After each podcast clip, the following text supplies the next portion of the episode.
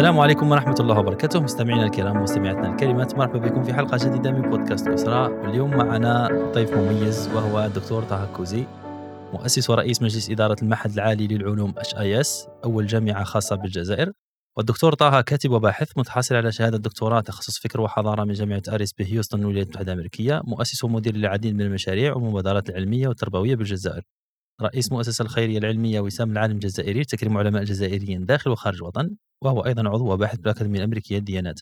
وإلى جانب هذا عنده مؤلفات كثيرة وكتابات ومحاضرات حول مواضيع عدة أهمها أزمة الوعي والفهم في هذا العصر أساليب ومناهج تحليل ودراسة الظواهر والنماذج الحضارية دور وأهمية مركز التفكير في صناعة القرار مفهوم الجامعة وعلاقته بالمجتمع. كما له عدة مؤلفات. نذكر منها كتاب أزمتنا الحضارية العقدة والمخرج معركة الوعي إذا تحرك ضمير تحرك التاريخ وكذلك آخر كتاب الذي صدر له مؤخرا وهو كتاب عالم ما بعد الكورونا.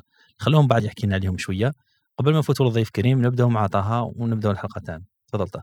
السلام عليكم ورحمة الله مستمعينا الكرام مستمعاتنا الكريمات مرة أخرى شكرا لكم على وفاكم. بودكاست كسرى. اليوم معنا دكتور طه كوزي. أول حاجة نشكره جزيل الشكر على إجابة الدعوة. عندنا مواضيع شيقة. أولا تخص التعليم العالي واللي هو بحكم أني أستاذ في الجامعة يعني كاين الكثير من الأسئلة اللي راح نطرحهم عليه إن شاء الله بحول الله خصوصا في الجامعة الخاصة. وأيضا إن شاء الله نحكوا على كتاباته فيما يخص النهضة الفكرية النهضة الحضارية للدول العربية والإسلامية مؤسسة وسام العالم الجزائري اللي هي أنا بالنسبة لي تجربة فريدة من نوعها في الوطن العربي. حابين نسمعوا منه بحكم أنه كان من المؤسسين لهذه المؤسسة إن شاء الله. دكتور طه شكرا جزيلا على إجابة الدعوة. كلمة أولى نخليه تبدأ بها وبعدين نمشوا للقصر إن شاء الله. تفضل. بارك الله فيك شكرا جزيلا على الاستضافة وأنا سعيد جدا بهذا اللقاء في هذا البرنامج الواعد الذي أصبح اسما متميزا يجمع الكثير من الأسماء الفكرية. فشكرا جزيلا على هذه الدعوة الكريمة والدعوة الطيبة. شكرا جزيلا لك دكتور. دكتور إحنا دائما نطلبوا من الضيف إنه يشرح لنا كيفاش حتى ندار التخصص تاعو ولا كيفاش حتى نوصل اليوم ما هو اليوم. لو تحكي لنا فقط من البكالوريا كيفاش حتى بديت التخصصات اللي مشيت لها وبعدين اختيارك المهني.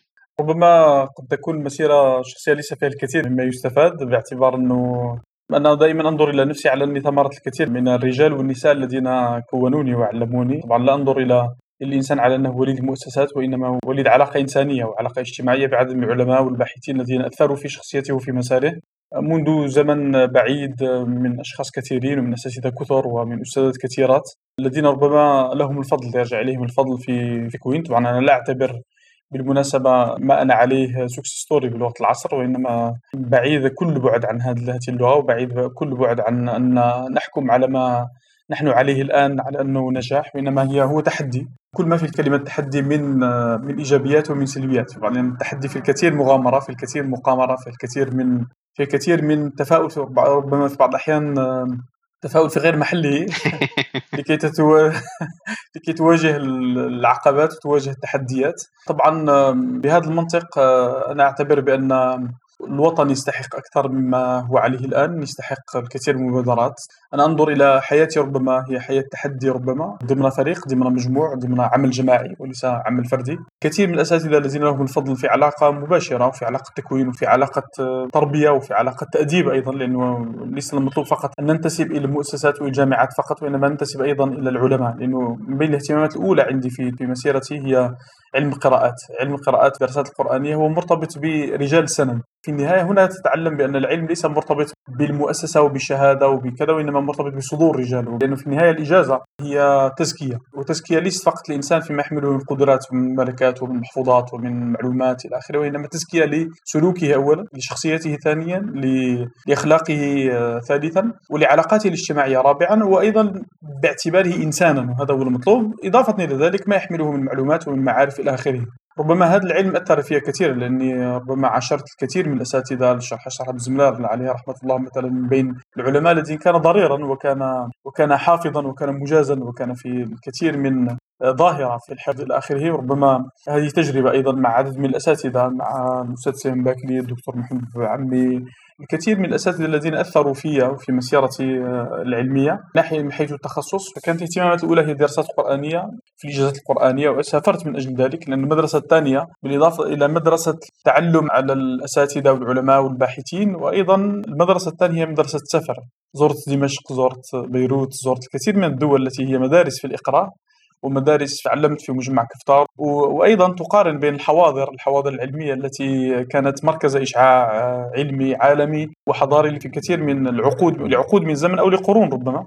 لما نتحدث عن حاضرة دمشق فإننا نتحدث عن حاضرة تمتد لقرون من الزمن وعرفت الكثير من الحضارات بكل ألوانها وأنواعها. طبعا بهذا المنطق أنا أعتقد بأننا في هذا العصر ربما في حاجة إلى أن نعيد إلى العلم منطق التتلمذ ومنطق أيضا السند لأنه في النهاية ينبغي لا تنوب الشهادات الأكاديمية وهذا ما ربما يمكن نتحدث عنه اليوم أنه تحويل المعرفة إلى مجموعة من système modulaire إلى مجموعة من الشهادات ومجموعة من مساقات أكاديمية مجردة عن العلاقة بالإنسان وبالتعلم وبالإشراف وبتكوين الشخصية إلى آخره. فلا نحدث الإنسان مثل ما يقول علي عزت نمر معه في 12 سنة أو 14 سنة في التكوين ربما التكوين العلمي أو التكوين الأكاديمي والبحثي ولكن لا نحدث عن شخصيته عن أخلاقه عن مخططاته في الحياة عن توازنه. فاليوم أصبحنا ننتج عدد من الكائنات البشرية الأكاديمية التي ربما لا تكون بالضرورة صالحة ربما لا تكون أيضا بالضرورة متخلقة وليست بالضرورة أيضا من الناحيه العائلية ناجحة. أعتقد بأننا بهذا المنطق أنا أنظر إلى حياتي على أنه حياة إنسان ضمن مجموع له الكثير من الايجابيات وله الكثير من السلبيات وقصة تحدي ومغامرة بيتم عن الكلمة. هل تعطينا برك ملاحظات أو أمورات في السفرية تاعك ملاحظه الفرق بين الشعوب فرح في طريقة التعامل طريقة التدريس طريقة الدراسة نعم السفر من أهم المدارس التي أراها ينبغي أن نعيد إلى طلبة العلم. هذه القدرة على التنقل بين الدول. أنا أعتقد بما أننا نعيش اليوم في حالة أزمة وفي حالة توتر عالمي في اليوم التحولات العالمية واضحة. ما نعيشه الآن عالم ما بعد كورونا مثل ما كتبت عنه. نحن نعيش الآن مرحلة انتقالية. أهم سمة ينبغي أن يتمتع بها الباحث الأكاديمي أنه قادر على التأقلم مع مختلف النماذج. اليوم تم نموذج معولم نموذج غربي نموذج أوروبي نموذج أمريكي إلى آخره ينبغي أن نتعرف عليه نستفيد من إيجابياته ونستفيد أيضا من إنجازاته أيضا وننتبه أيضا إلى سلبياته وننتبه إلى ما أخفق فيه. وأيضا ينبغي أن نكون قادرين على اكتشاف العالم الجديد من الصين إلى روسيا إلى آخره ولا نقع في فخ الأحكام مسبقة والأحكام هكذا النمطية الإعلامية التي تسوق لنا و نستهلكها ونرددها. الحل الوحيد لمواجهة المشكلة هي السفر. أن يتنقل الإنسان بنفسه أن يسافر أن يتجاوز أحكام مسبقة أن يدخل إلى الجامعات الصينية ويدخل إلى الجامعات الروسية ويدخل إلى إلى المدارس الماليزية ويدخل إلى السياق الغربي أيضا الولايات المتحدة الأمريكية ويعيش أيضا ضمن الجماعات العلمية الموجودة لكوميونيتي سافواغ الموجودة في في السياق الغربي أيضا. فيكتشف بنفسه. أنا أعتقد بأنه المفتاح هو مفتاح السفر نحن الجزائريين عشنا تجربة كئيبة جدا وعرفنا من خلال سنوات العشرية السوداء على أننا مجتمع إرهابي ومجتمع للأسف سوقت له صورة الدماء مجتمع عنيف غير قابل للحوار وكذا لأول مرة تلتقي مع إنسان لم يلتقي بإنسان جزائري ربما لم يشاهد الجزائر إلا من خلال وسائل الإعلام في العشرية السوداء. يقول لك والله الجزائر الناس ملاح الناس طيبين ما شاء الله. يعني مازالكم حيين ومازال راكم على قيد الحياة إيه. مثل ما الآن نحن نبني أحكامنا أيضا على السودان وعلى جنوب السودان وعلى وعلى ما يحدث من انهيار مالي في لبنان وعلى ما يحدث الآن في سوريا وما بعد الحرب وما حدث فيها إلى آخره. الأحكام على الآخر اليوم نحس في هذا العصر وكأننا متقدمون أكثر من من عصور أخرى. نحن أكثر حصولا على المعلومة من مصدرها أكثر من العصور الاخرى إلى آخره ربما لدي تخوف كبير وتوجس كبير من هذا الحكم. نعم لدينا القدرة على الوصول إلى المعلومة ولكن من خلال محركات البحث الأمريكية فقط. لأن لم يست... لا يستطيع الإنسان أن يحصل على معلومة خارج جوجل ولا خارج فيسبوك ولا خارج تويتر ولا خارج محركات البحث الأمريكية. هل هذا إنسان حر؟ أنا أعتقد من الناحية الأكاديمية ينبغي أن نعيد سؤال من جديد وسنكتشف بأن أحكامنا المسبقة المنمطة من خلال مثل ما يقول الأستاذ مالك بن نبي أصبحنا فرادى مكيفين أفرادا مكيفين من خلال وسائل الإعلام وسائل التواصل الاجتماعي من خلال القنوات التلفزيونية من خلال الأحكام تسوق لنا ثم نتقبلها ونمضغها ثم بعد ذلك نروج لها. العالم الأكاديمي هو المسؤول عن معالجة هذه القناعات المسبقة عند الناس. ويؤسفني أن النخبة الأكاديمية لا تزال بعيدة كل بعد عن القيام بهذا الدور إنها ربما في بعض الأحيان هي نفسها ضحية اشترار بعض الأحكام المسبقة تسويقها إلى آخره من دون تبين للنكتة كنت في جلسة مع عدد من الطلبة كانوا في الجامعات الصينية وكل أملهم أنهم يدرسوا في الجامعات الأمريكية. فاستغربت قلت لهم إذا إذا كان إنسان يعيش في كان يحب يقرأ في الولايات المتحدة الأمريكية في الستينات ولا في السبعينات من القرن الماضي هو نفس الموقع الحضاري التي تعيشه الآن جامعات الصينية في, في الألفينات. بمعنى أنك إذا آثرت العيش في العالم القديم آه، بعد 30 سنة و40 سنة ستكتشف بأنك لست مستعدا للمغامرة، لست مستعد أن تعيش أنت تريد تعيش comfort zone، أنت تعيش تريد أن توهم نفسك بالأمان، ولكن بعد 30 سنة ستكتشف بأن ال GPS الذي كنت تشتغل به offline وغير محدث. صح.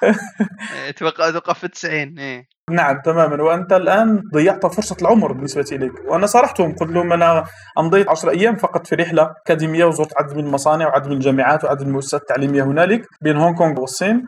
قلت لهم 10 أيام بالنسبة لي أهم من أربع سنوات التي قضيتموها في الصين، لماذا؟ لأنه كنتم تعيشون جسدا في الصين ولكن من الناحيه الذهنية ومن ناحية من ناحية المخيال ومن ناحية الباراديغم هو خيال هوليودي آه، يعني من الناحيه الإعلامية غربي بامتياز. السفر الآن لما تسافر إلى دمشق تكتشف بأنه لكل كل بلاد وطالها، كل بلاد وعلمائها، كل بلاد ومدارسها، كل بلاد إيجابياتها وسلبياتها أيضا لما تسير في الطرقات في الشوارع تزور الباحثين تزور العلماء إلى آخره. أعتقد بأنه هذا الخلق خلق السفر ومع بنية الاكتشاف وليس بنية البعض الذين آفى في هذا العصر أنه عنده قناعات وأحكام ينطلق في سفره من أجل فقط اثباتها تاكيد تأكد من إثباتها فقط. صح صح. ثم يعود بعد ذلك على أنه نعم القناعات التي انطلقت منها صادقة وهنا مشكلة منهجية خطيرة جدا. الإنسان لما ينطلق في سفر ليكتشف هذا العالم إذا كانت لغة ينبغي أن يتعلمها فليتعلمها إذا كانت مجتمعات في الذوق في المزاج في طريقة نظر الأمور وهنا سنكتشف بأننا في بعض الأحيان في الوطن الواحد اليوم في الجزائر أنا في قاعة محاضرات وفي قاعة اجتماعات وفي لقاء مع طلبة أسألهم كم من كيلومتر قطعته أنا أتفاجأ الآن بأن الكثير من الناس يتوهمون بأن عدد الأصدقاء على إنستغرام وعدد المسافات التي يقطعها على الفيسبوك وعلى وأن المساحات التي يراها على اليوتيوب إلى آخره يتوهم كأنه زارها. يعرف إيه، يعرف. وهو في الحقيقة لا يعرف هو فقط يتوهم المعرفة لم يزورها في حقيقة الأمر لم يتعرف على التضاريس على الجغرافيا. وهذه مسألة مهمة. جمال حمدان من علماء الذين طبعا اقتلهم كيان صهيوني يقولنا أنه يعلمنا شيء أساسي وهو البعد الجغرافي.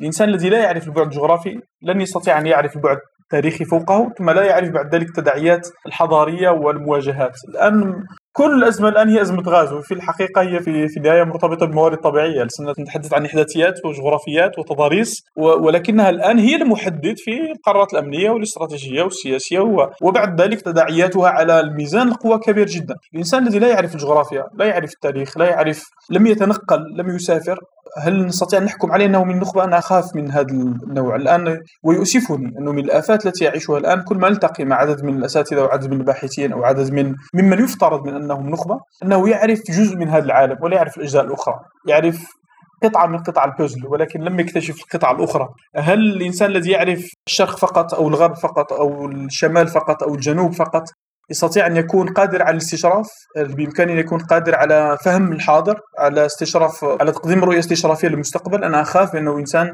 غير قادر على فهم تحولات خاصة في العقد من الزمن الذي نعيشه الآن 2020 2030 سيكون مليء بالمفاجآت مليء ب مليء بالتحولات بما نعيشه الآن من بداية أزمة الكوفيد وإلى يومنا هذا.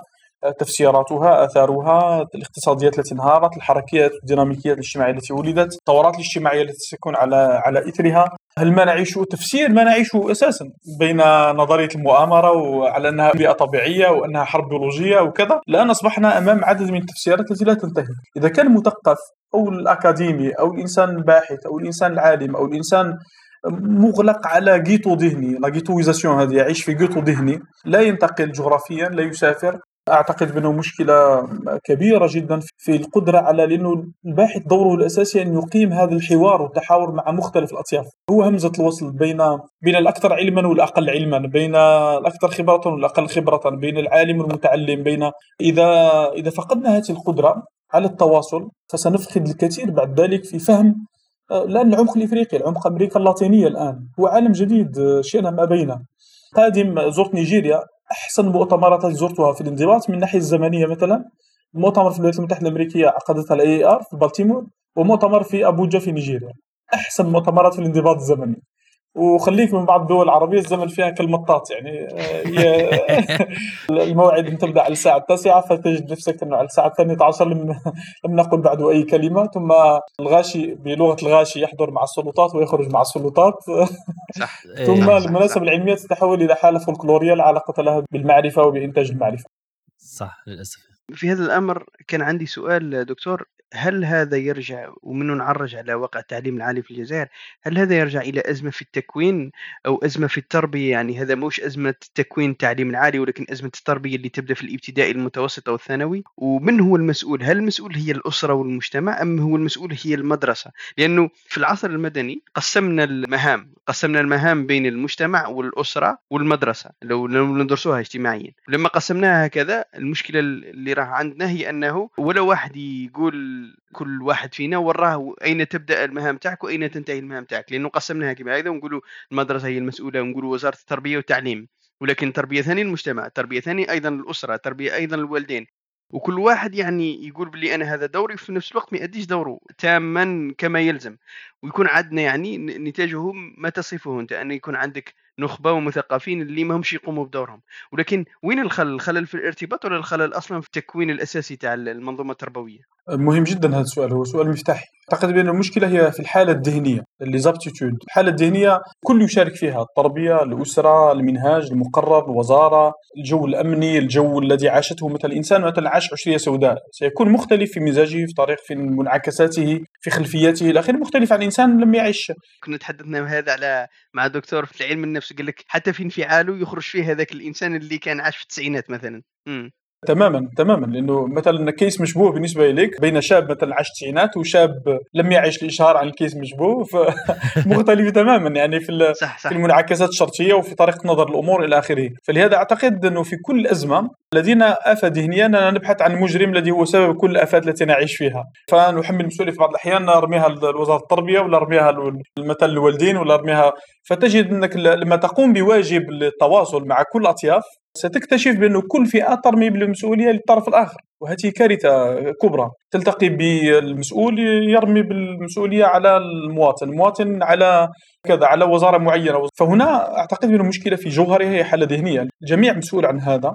والجميع مطالب ان يعالج يعالج تصوراته الذهنيه لما. الآن مثلا في لو نعطي مثال بسيط في جلسة تسأل عدد من الطلبة إنه درس عن شخصية معينة عن مدينة معينة عن عن جهة معينة لم يزورها لم يتنقل. ولو لو نرسم الآن نلون مساحة جغرافية ديناميكية لطالب جزائري مثلا. في الجزائر بعيدا عن اسفار ومشكلة الفيزا والتنقل إلى آخره تجد أنه مساحة جغرافية ضيقة جدا. عدم التنقل هذا ومع تراكم الأحكام مسبقه على الآخر أو الفئة الفلانية الجهة الفلانية والعرش الفلاني وكذا إلى آخره. إيه. هناك نمو أيضا الأحكام المسبقة التي لا تنتهي. فلهذا أعتقد بأنه معالجة الأمر ينبغي أن يعالج في مختلف المستويات الأسرة لها دورها التربية لها دورها المدرسة لها دورها المنهاج المقرر له دوره أيضا وله مسؤوليته آه، في هذا الأمر. فلا نستطيع أن نحمل جهة واحدة المسؤولية عن هذا. ولكن لو نشوفها تاريخيا هل كان عندنا نفس المشكل؟ يعني لو نرجع الامر اللي يعني أنا دايمًا كل ما نسافر كل ما نشوف ونشوف باللي الناس كانوا قبل كانوا أذكياء علينا، إحنا نخمّوا باللي عندنا التكنولوجيا ولكن كانوا كان عندهم نسبة عالية من الذكاء، هل هذا المشكل كان كاين أيضًا في الماضي؟ يعني إنه الارتباط في تكوين النخب يكون فيه يعني فجوات اللي هي فجوات مهمة. مقارنة بما كان من قبل، لو نرجع مثلًا 300 سنة قبل ولا 400 سنة قبل، هل كان عندهم نفس المشكل من الناحية النخبوية ولا لا؟ النخب لأنه لما تقرأ عليهم في كتب التاريخ تلقى بأن النخب تقريبا أسست لحضارات. ولكن ما عندناش أو على الأقل بحسب علمي لم أجد مصادر لتعطيك الوجهه والنظرة الكاملة على المجتمعات كيفاش كانت هذاك الوقت ربما أنا أعتقد بأن المساله ليست مرتبطة بالماضي والحاضر لأنه في بعض الأحيان نقدس الماضي على حساب الحاضر أو العكس م. أنا أعتقد بانه كل ما ازدادت أمة ما تحضرا فإن قدرتها على التنقل على الحركية على الديناميكية تزداد. كلما ازدادت الأمة أو المجتمع ذلك المجتمع تخلفا وتأزما ويعيش أزمات فينكفئ على ذاته ينغلق على نفسه ولا يستطيع التحرك إلى الآخر وإلى معرفته وإلى دراسته إلى آخره. إدوارد سعيد يعلمنا هذا يقول لك أنه مثلا مشروع الاستشراق مشروع الاستشراق في حد ذاته هو ليس فقط تعرف على الشرق وإنما إدوارد سعيد ينبهنا إلى مسألة أن الأورينتاليزم أو الاستشراق اللي هو بناء الشرق مثل ما يتصوره الغرب. صح. فينتقل بعد ذلك الباحثون المستشرقون وينطلق بعد ذلك المنصرون مثلا مشروع التنصير ومشروع الاستشراق البحثي و... يعني كل هذه هي الصفوف الأولى من المعركة. ثم بعد ذلك لما تكتشف تلك المساحات وتكتشف تلك المناطق سهل أن تدخل جيوش في استعمار إلى إلى آخره. فكل ما يزداد المجتمع تحضرا يزداد قدرة على التنقل في ارجاء المعمورة والاكتشاف و... ومعرفة الآخر إلى آخره، كلما يزداد تخلفا يقع في هذا الإحساس النفسي على أنه إنسان منكفئ، إنسان ضعيف، إنسان مهزوز، إنسان منهزم، فتنمو عنده عدد من القناعات والأحكام المسبقة فينكفئ على نفسه وعلى ذاته. أعتقد بأن المسألة هي مرتبطة أساسا بالتحضر والتخلف، فلهذا كل ما ازداد الأولى الآن في انتظار أن نحقق قفزة حضارية جماعية على الأقل الفرد ينبغي أن يفهم بأن السفر عنده أو الرحلة بالنسبة إليه هي ليست فقط مجرد للاستجمام أو للتعرف على مجتمعات منتهى الأمر وإنما أيضا هو جزء مهم جدا اليوم في التكوين الأكاديمي في التكوين الاقتصادي في التكوين الاجتماعي. انظر مثلا المسافات التي قطع الصحابي وفق الوسائل التي كان يمتلكها في ذلك الزمن بالمقارنة مع الكيلومترات التي نقطعها الآن ومع كل الوسائل التي نمتلكها. ستجد بانه أن ديفيسيت عندنا كبير وكارثي بالمقارنة بين الوسائل التي نمتلكها والكيلومترات التي نقطعها. وهذه مشكلة كبيرة جدا. الفرق بيني وبينه أنه يمتلك إرادة وأنا ربما لا أمتلك إرادة. هو يمتلك مشروع فكري ويمتلك مشروع حضاري ومنطلق وعنده ما يقوله للكون يعني كله للدنيا. عنده مشروع عنده فكرة عنده عنده رسالة. والإنسان المنكفئ والمهزوم والمهزوز من الناحية النفسية طبعا أول إحساس في علاقته بالآخر الخوف. فلهذا لست مع مثلا تجريم الغرب على أنه هو سبب كل مآسينا هو يعيش حياته ويؤسس لحياته المدنية ويدافع عن رؤيته ولكن أيضا ينبغي أن ننظر إليه على أنه استفدنا منه من ناحية التقنية ومن ناحية التكنولوجيا ومن ناحية العملية المنطق العملي ولكن أيضا من ناحية الاجتماعية والإنسانية يقدم لنا دروسا كيف أنه من أجل أن يطور صاروخ ما فكك الأسرة وفكك المجتمع ووقع في قضايا أخلاقية كارثية إلى آخره. يعني من أجل أن تطور تقنية أضعت كل الحياة الإنسانية من أجل هذا. وأيضا الشرق لا ينبغي وأنا أتأسف لما أستمع الكثير الآن يتحدث بتخوين وبتجريب أيضا للتجربة الصينية والتجربة الروسية.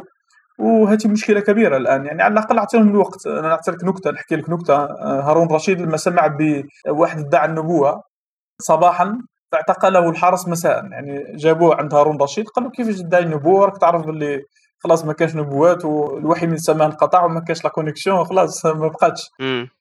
قال له قال له طيب لمن بعثت؟ هارون رشيد سقسى هذا الإنسان قال له بعث قال له هل تركتموني وبعثوا لي احد أنا ادعيت نبوة صباحا وجيتوني العشية. وش؟ ما خليتوا لي حتى وبعث لي. نفس الشيء الآن على الأقل نترك التجربة الصينية تنضج والتجربة الروسية تنضج ونكتشف الأدغال الإفريقية والتجربة اللاتينية إلى آخره. هنا أستاذ عندي سؤال ذكرتها قبيلة اطرحها لك دركا وهي قضية أنه هنا نامنوا كثيرا بالمؤامرة. شو ما لما تشوف حاليا الجميع عنده مشروع روسيا عندها مشروع الصين عندها مشروع إيران عندها مشروع تركيا عندها مشروع إلا هنا العرب اللي كومبارس في الفيلم.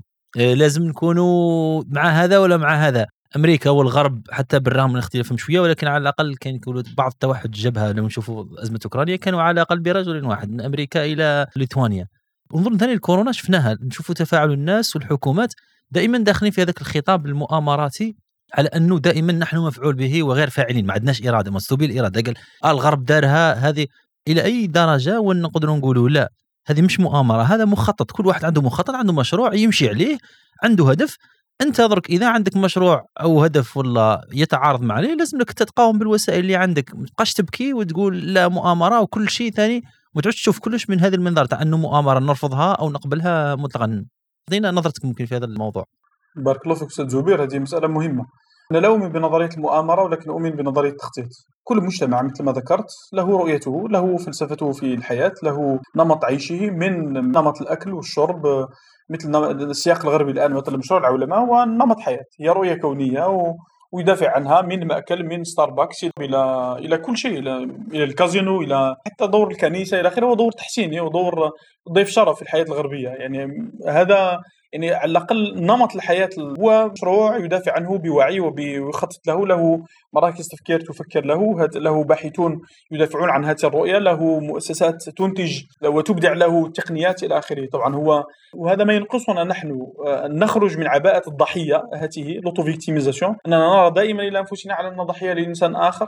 الضحايا لنموذج يريد أن طبعا أن يتحكم فينا أن يسيطر علينا إلى آخره. طبعا هو من أي مشروع لما يؤسس لرؤيته هو يرى الكون كله على أنه مادة استعمالية بالنسبة إليه. ف اذا وجد ثروات مثلا تحت رجليك اسمها البترول ولا الغاز ولا ولا معزمه اليورانيوم أو غيرها فهو مهتم جدا بتلك الثروات التي أنت لست في مستوى استغلالها وفي مستوى استثمارها وفي مستوى تحريكها. وهذه مأساة اليوم نعيشها في عالمنا الاسلامي لو ننظر المجتمعات المستعده للانطلاق من الناحية الحضارية. سأجد بأنه لهذا كتبت في عالم ما بعد كورونا في كتاب أنه العالم الإسلامي عالم المسلمين إني لا أجد ريح يوسف للأسف. يعني آه، لا أجد هذا الاستعداد للانطلاق. هناك نعم هناك مشاريع كثيرة اليوم في العالم من المشروع الغربي معولم. طبعا هو رغم تضارب مصالحه حتى من الناحية الداخلية ولكن مجتمع على ان الصين وروسيا عدو. وهذه مسألة بالنسبة لي هي التي توحده في كل قراراته على الأقل في هذه اللحظة. الاستراتيجية والسياسية والأمنية إلى آخره.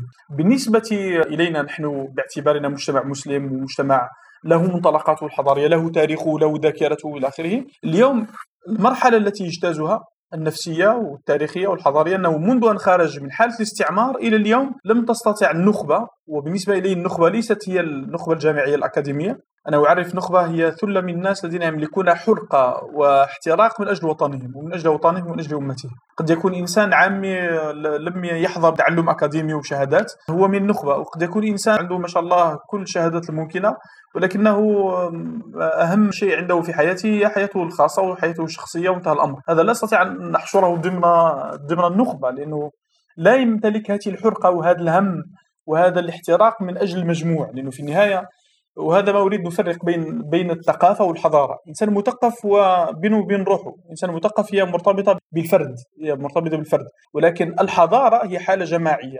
هذا تجد عدد من الناس مثقفين ولكن ليسوا متحضرين.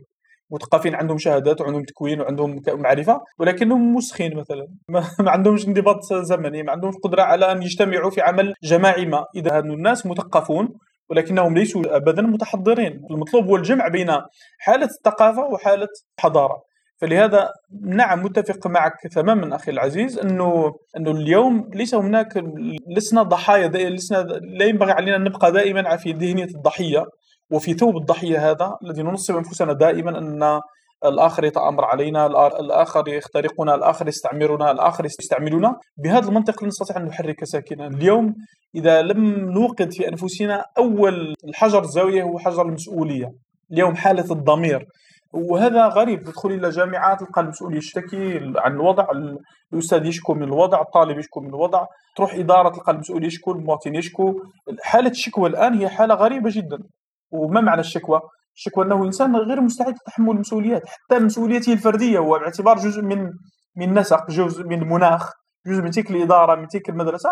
غير مستعد أن يتحمل المسؤوليات وأن يتحمل العواقب. هذا مؤشر على أن هذا الانسان ليس مستعد للانطلاق الحضاري. فلهذا انظر حتى في القرآن الكريم مثلا وليس للإنسان إلا ما سعى وأن سعيه سوف يرى. يا أيها الإنسان إنك كادح إلى ربك كدحا فملاقيه. هذا الإنسان اللي كان في سوق عكاظ وكان في زير نساء وكان مع الجواري ومع الخمر وكذا ليتحرك إلى ويصبح صحابي وينطلق إلى سمرقند إلى سيبيريا في 70 سنه 70 للهجره ويدخل إلى الصين 140 للهجره هذا الإنسان حرك في شيء واحد إنه أنت مسؤول عن حاضرك عن واقعك وعن ما تنتجه.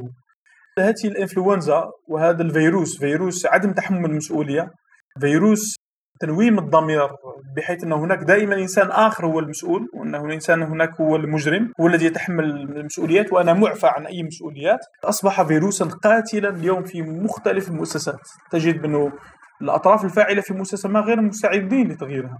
الكل مستعد للتغيير فقط المهم لا يطاله هو. يعني ليس أول من يقوم بالتغيير. يعني كل واحد إيه. vive le changement sans moi كما يقولوا. exactement يعني في النهايه خليني كيما راني أنا وغير الباقي وانتهى الأمر. فكل واحد يقول نفس الكلام ثم بعد ذلك نبقى في نفس الموقع وفي نفس ال... وفي نفس الحالة بكل أسف. أستاذ هذه ممكن ثاني راها من الصغر تبدأ نترباوش على تحمل المسؤولية تاعنا. فإلى كاع رانا نتمسوا منها. أبدأها من الفوق واطلع حتى المسؤولية الكبرى. لما تشوف حتى كيفاش لما تصرى حاجة التلميذ ما يربحش البكالوريا ما يقولكش ما قراش ما حضرش مليح. عادي مش مشكل. يقول له ضربته عين عينوه غايرين منه. أه، بنت مش عارف يصرى لها عينوها سحروها. طفل بعد لما نروح حتى نطلعوا في أعلى مستويات ثاني منتخب وطني يخسر يقول لك خسرنا الحكم. اي الحكم؟ بصح يخسرك أنت ويخسر الفريق الآخر غدوة مش عليك أنت برك. فعيشونا هذيك التنصل من المسؤولية على كل المستويات وهذه ما على باليش أنا كيفاش قادرين نعالجوها خاصة في لما نكبروا في مش عارف كيفاش نسموه هنا النظام اللي كبرنا فيه اشتراكية ولا شبه اشتراكية. فكيما يقولوا tout le monde coupable personne responsable تلقى حاجة تخرج في الشارع مثال تلقى طريق مكسرة ولا تروح المطار تلقى حاجة حابسة فيه ولا تروح المسجد تلقى المطهره تاعو مكسرة ولا حاجة. راك شفت الحاجة كاين واحد مسؤول عليها. راهم مذ كاين مذنب دارها. ولكن لما تحوس على المسؤول اللي باش مش عارف نسبة التعليم طاحت ولا ولا مريض في المستشفى ما لقاولوش وتوفى لا أحد يعاقب ولا يحاسب ولا to be held accountable تمام. هذه مشكلة عميقة في الحقيقة. نوبواكي نوتوهارا هذا هذا باحث ياباني كتب العرب وجهة نظر يابانية. من أجمل الكتب اللي الإنسان يقرأها ليرى إلى نفسه من زاوية الآخر. يعني كيف يرى الشرقي للشرق أو كيف يرى الإنسان الياباني العلمه ولكن تخرج منه خبط قلبك. لازم فترة كي أنا كي قريته تعبت من وراها لأنه لا يبغى يأثر فيك. إيه تماما أكيد أكيد. لأنه فقط الإنسان ينظر إليه على أنه وصف يستحق على الأقل الانتباه إليه والملاحظات ومن أهم الملاحظات أنه الإنسان الإنسان في العالم العربي ربما لا يفرق بين السلطة وبين المرافق العامة. ويتوهم بأن هذه المرافق العامة التي يحتاجها غدا صباحا هي في حد ذاتها هي السلطة الحاكمة التي تحكم يومياته. فلما لا يفرق بين هاتين هذين الأمرين بعد ذلك تكون تصرفاته تجاه غضبه مثلا من واقعه يمارس الغضب ضد نفسه وضد المصالح والمرافق التي تخدمه غدا على الساعة الثامنة صباحا. وهذه مشكلة خطيرة جدا ينبه لها نوبو اكي هذا الياباني. المشكلة أعتقد في هذا الموضوع بالتحديد ينطلق من الاسره ينطلق من مدرسة ينطلق من وسائل الاعلام ينطلق من أنا قلت لهم عينوا لي برك نتنياهو نجي معاكم نصدق بأنه يعني نمشيو معكم في في كل في كل هذه النظريات. المشكلة الجوهريه أننا لما نجد مبررات من لما تحدث مالك بن نبي عن عن الطرقيه وعن الشعوذة وعن الحروز في في مرحلة الاستعمار وكيف غدتها اليد الاستعمارية لما آمن الانسان الجزائري لما تعلم وتهذب وتأدب في المدارس عند الشيخ بن باديس والشيخ بشير إبراهيمي وكل هؤلاء الأعلام اكتشف بأنه وأن ليس للإنسان إلا ما سعى وأن سعيه سوف يرى في النهاية. إذا لم أتحرك فانه لن يتغير شيء من حولي وأن الحديث عن الحروز والزردات والهردات إلى آخره لن يغير شيء في اليوم. طبعا تغيرت فقط الحروز وتغيرت فقط الزردات والهردات من أسماء مسميات مختلفة. في بعض الأحيان بالان ال بي بالشعوذة الفكرية وبال وباسماء بمسميات مختلفة. يولي إنسان والله آه، قل سبع مرات أنها قوي تصبح قوي أنا سبع مرات أنا غني ساصبح غني. والحمد لله رب العالمين. عندنا ما قصفناهم جماعة الآن ال بي المساكين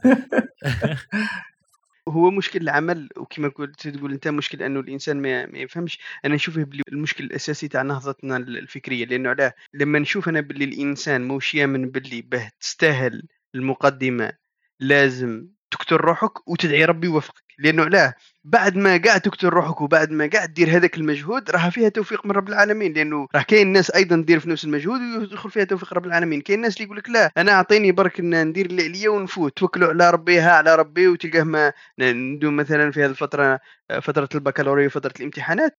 تشوف باللي الناس اللي راح يعقب في البكالوريا مثلا بالنسبة ليه هو إنه يدير يعني أقل جهد ويقول لك إن شاء الله هاو يوفقني ربي ويقول له تلقاه مثلا يلهو يلعب حتى يجي الامتحانات. وما عندناش هذيك القناعة باللي سيأتيك ما عملت له.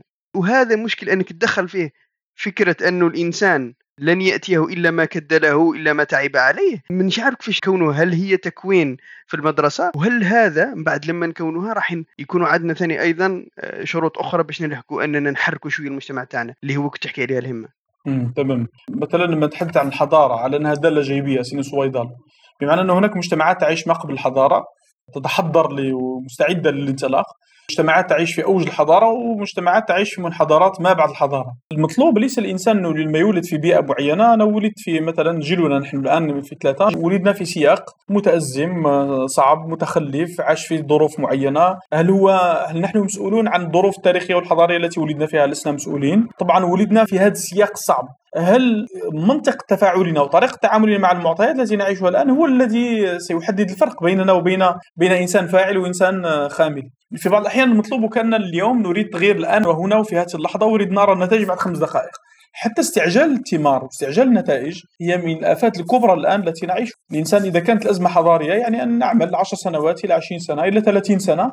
ولعل أرى ثمرة من الثمار ل... إذا كنا يعني بمنطق البزنسية في الحضارة آه، هنا طبعا المشكلة لن نحل لها أبدا. في النهاية اللي بزوج وبيع بربعة آه، إنه الحضارة بمنطقه ترابندو هذه ما نقدروش إذا كان مثلا مشروع تجاري يحتاج إلى ثلاث سنوات ومشروع صناعي يحتاج إلى سبع سنوات وزراعي أيضا يحتاج إلى سبع سنوات المشروع الحضاري يحتاج إلى 30 سنة من العمل المتواصل. الشيخ بن باديس لما جالوا الشيخ البشير ابراهيمي قلق ومتوتر إلى آخره قال له شوف ما عندك وين تروح؟ نواصلوا هذا الطريق إلى أن نموت ونلقى الله سبحانه وتعالى على هذا الأمر. نفس الشيء عندنا الشيخ بيوض مثلا والشيخ عدون أيضا نفس القصة إنه جالوا في لحظة من اللحظات يعني الجانب المادي تعبان وكذا إلى آخره وظروفه إلى آخره. قالوا اللي عندنا تمر نقتسموه ما عندناش اللي عندنا يعني عولة هذه نقتسموها ونواصل الطريق. مم. أنا أعتقد بأنه حتى معيار التقييم هو مشكلة. هل الامه متخلفة ومتأزمة في ظرف سنة وسنتين سيغير كل هذا؟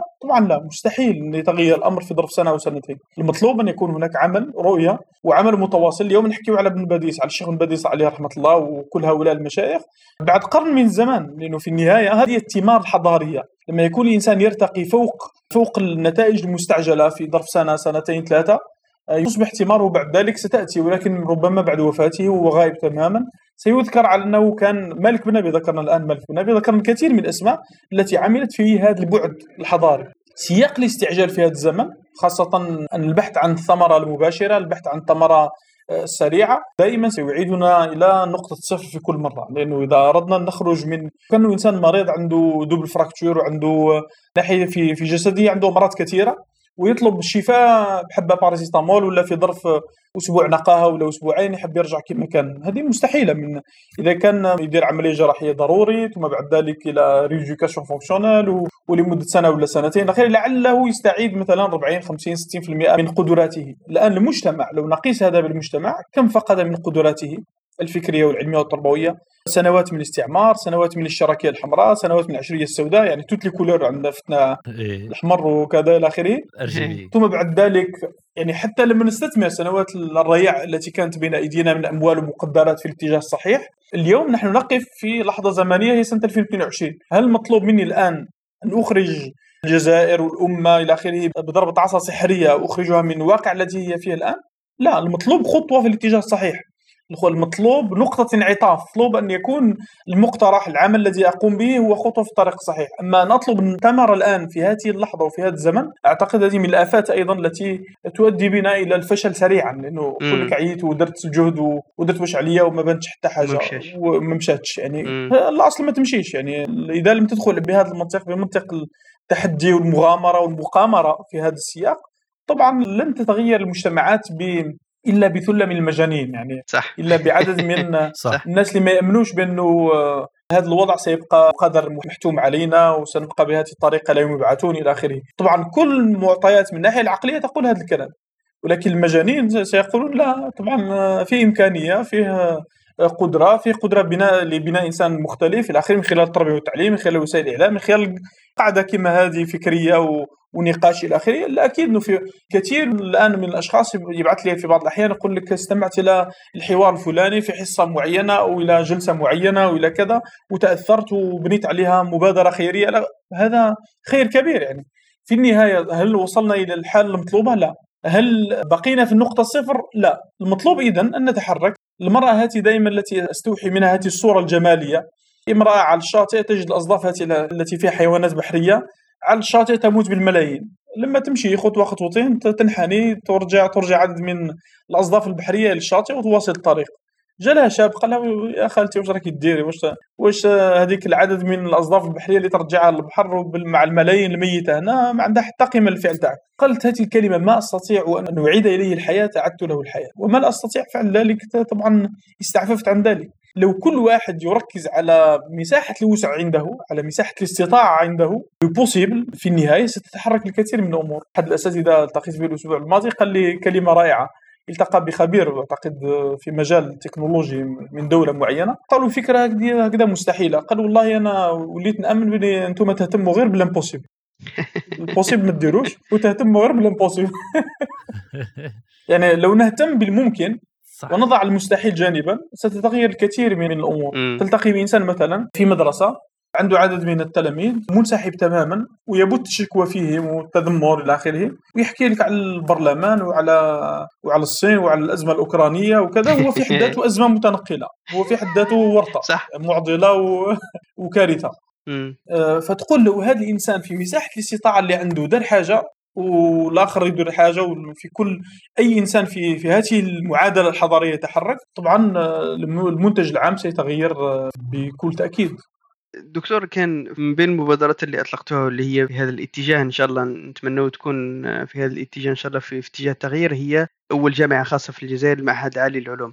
هل ممكن تحكي لنا في أي واقع تعليم عالي فتحتوا هذا المدرسة؟ ما هو الهدف اللي كان عندكم؟ وأيضا الدافع اللي خلاكم أنكم تشوفوا باللي لا هذا المشروع لازم يكون ورانا في حاجة إليه من أجل تغيير الأمور. في الحقيقة بنفس المنطق اللي حكينا عليه لأنه لأن الجامعة لما ولدت هذه الجامعة الخاصة المعهد العالي للعلوم في أول أيامها يعني ولدت في سياق جربت كل أنواع الأزمات يعني منذ أول يوم من تأسيسها. الأزمة الإدارية لأنه كانت بالموازاة مع سنة الحراك وتعطل نوعا ما الإدارة ثم بعد ذلك أزمة بعد ثلاث أشهر من الحصول على الاعتماد دخلنا في الكوفيد والأزمة الصحية إلى آخره فجربنا الحمد لله كل أنواع الأزمات في الشهور الأولى يعني من تاسيس هذه الجامعة. هذا التأسيس هو إيمان منا بانه أول شيء أن المجتمع الذي لا ينجب نخبته بيديه مهما يكون هذا الإنجاب سواء كان من خلال مؤسسات عمومية أو مؤسسات خاصة أو مؤسسات حرة هذا المجتمع هو مستقل ومنسحب. أي شكل ونؤمن بأنه هذه صيغة فقط يعني أي صيغة اخترتها يعني ليست بديلة عن صيغة أخرى. بمعنى لهذا ما نؤمن بأنه القطاع الخاص ينبغي أن يكون شريك القطاع العام ويكون شريك أيضا القطاع الحر أيضا من مؤسسات أهلية ومؤسسات مدنية وخيرية إلى آخره. الكل ينبغي أن يشتغل لأنه الأزمة كبيرة الأزمة في نهاية الأمر أكبر منا جميعا.